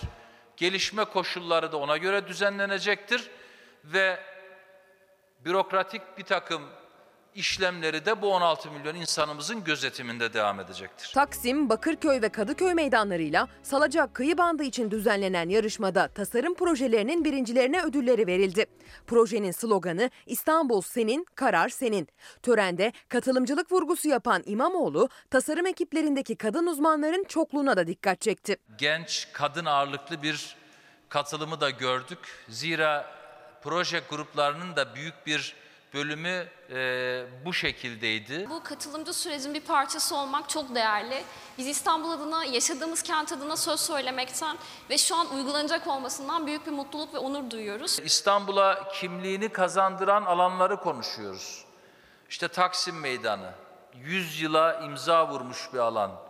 Acısıyla, tatlısıyla ne yazık ki bazen çok kötü anılarıyla, bazen de büyük coşkularıyla Ülke gündeminin fotoğrafının şehir meydanlarında çekilebileceğine vurgu yapan İmamoğlu, katılımcı bir süreçte seçilen projelerin uygulama aşamasında da katılımcılık ilkesine bağlı kalınacağını söyledi. halkla buluşarak, halkıyla düşünüp taşınıp karar verme mekanizmaları devam edecek. Bir kişinin karar verdiği birçok konunun ülkeyi nasıl zora soktuğunu hepimiz yakinen yaşıyoruz. Bunu da tersine çevirmemiz lazım. Onun için bu katılımcılık devam edecek. Gülay Hanım, günaydınlar. Eskişehir'e selamlarımızı iletelim. Aslında bu konuyu konuştuk. Bir izleyicimiz hemen isminize de bakayım Merve Karaaslan.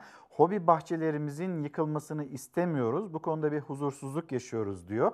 Ee, Böyle bir talebi var hobi bahçesi olanların ve bu konuyla ilgili hükümetin de almış olduğu bir karar var. Onu hatırlatıyor. Yani biz hani pandemi sürecinde orada nefes alıyoruz.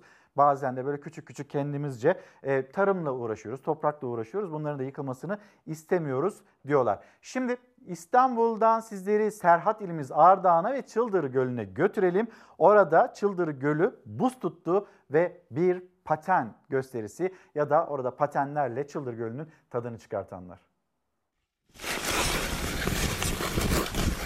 Cam gibi gölde paten sesleri geleceğin yıldızlarını müjdeliyor. Ardahan'daki Çıldır Gölü'nde buluşan sporcu çocuklar doğal buz pistinin keyfini çıkardı. Burada muhteşem bir görüntü var. Sonsuza kadar kayabilirler. Bu sene karın az olmasından dolayı buz o kadar şeffaf ve güzel ki altında tüm canlılar gözüküyor ve biz de bunun tadını çıkarıyoruz. Umarım herkes gelip bu güzelliği görür. Dondurucu soğukların etkili olduğu Doğu Anadolu'nun ikinci büyük gölü Çıldır'da buluşan çocuklar buz pateni yaptı. Gençlik ve Spor İl Müdürlüğü'nde görevli antrenör Leyla Yılmaz öncülüğünde 15 sporcu bir araya geldi. Cam gibi olan göl yüzeyinde bir gösteri yaptı. Türkiye'de şu an e, başka hiçbir yerde olmayan bir e, ortam şu an burada mevcut. Biz Ardahan Çıldır Gölü'ne herkese davet ediyoruz. Gelsinler burada bu güzellikleri yaşasınlar. Her şey gayet güzel. Buzun altındaki manzaranın üzerinde geleceğin buz pateni yıldızları bu spora ilgisi olan herkesi Çıldır Gölü'ne çağırıyor. Efendim yine orada kalalım. Ardahan, Kars, Iğdır bölgesinde bu kez haberimiz Iğdır'dan. Kar burada 1 metrede vursa, yarım metrede vursa biz hani futboldan vazgeçmiyoruz. Geliyoruz 2-3 gün oynadıktan sonra işte gördüğünüz gibi sağ bu hale geliyor. Yeşil saha değil, beyaz saha. Iğdır'ın dağ köylerindeki gençlerin futbol aşkına ne kar ne kış engel olabiliyor. Bu kar kış zaten bizim sevdamız, bizim işimiz budur yani biz onun içinde yaşıyoruz. Onun için bizim için bir engel değil. Iğdır'ın dağ köylerindeki gençler günlük hayvan bakım işlerini yaptıktan sonra Ali Bey köyündeki futbol sahasında bir araya gelerek kar tabakasının üzerinde turnuva düzenliyor. Gözler idare burayı sağ yaptı. Başka bir kurumdan da fileler, kale direği getirildi. Gençlik Spor İl Müdürlüğü'nde de ayakkabı, forma çeşidi gibi malzemeler bize temin edildi. Maçlar yeşil sahada değil, saha bembeyaz, hava buz gibi. Ayaklarda mümkün olduğunca soğuğa dayanıklı ayakkabılar. Pek çok kişinin dışarı çıkmaya korkacağı havada. Onlar dakikalarca koşup maç yapıyor. En büyük eğlenceleri de bu. Soğuk onlara dokunmuyor. Şampiyon olan köy çeşitli şeyler oluyor. Kramponlar veriyorlar, formalar veriyorlar. Galatasaraylı futbolcu Omar yılbaşı gecesi talihsiz bir kaza geçirmişti. Bizim gibi belki durumunu, sağlık durumunu merak eden izleyicilerimiz vardır. Aktaralım. The treatment is going is going very well. It's going very well. Um, every day, uh, day by day, is getting is getting better. So, so of course, I'm I'm very happy for that. Uh, just uh, of course, trying to, to stay very positive in in this difficult. To be honest, it's very very difficult for me to to express, you know, my my how thankful I am, you know, or to, to express how how much I appreciate all the all the support, you know, from from first of all from everyone from uh, Galatasaray, the, the the president, the vice president, uh, the coach, the coaching staff, uh, my teammates, all employees of Galatasaray. I think I think everyone has been here to visit me several times.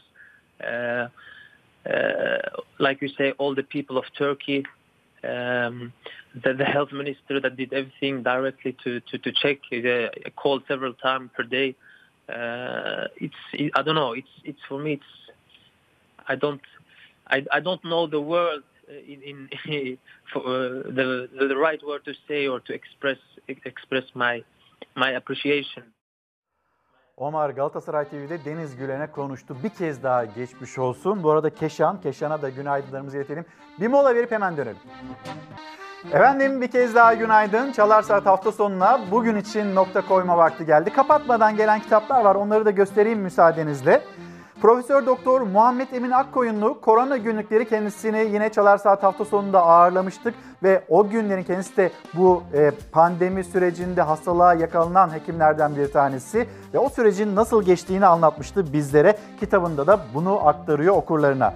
Bekir Coşkun, özgürlük, barış, sevgi, huzur istiyorsan bekleme.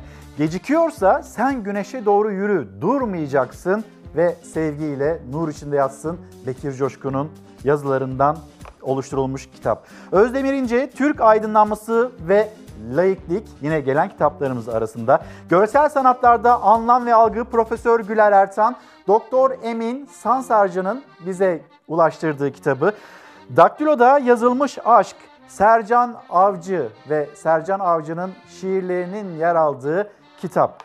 Mülteciler ve dijital göç Son kitabımız da bugün için o olsun. Doçent Doktor Özlem Özdemir aynı zamanda kendisi de arkadaşım Ankara Üniversitesi İletişim Fakültesinden ve kendisinin mülteciler ve dijital göç üzerine çalışmaları kitap haline geldi.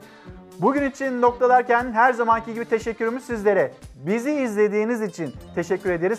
Yarın sabah 8.30'da tekrar görüşürüz. Hoşçakalın, güzel bir gün olsun.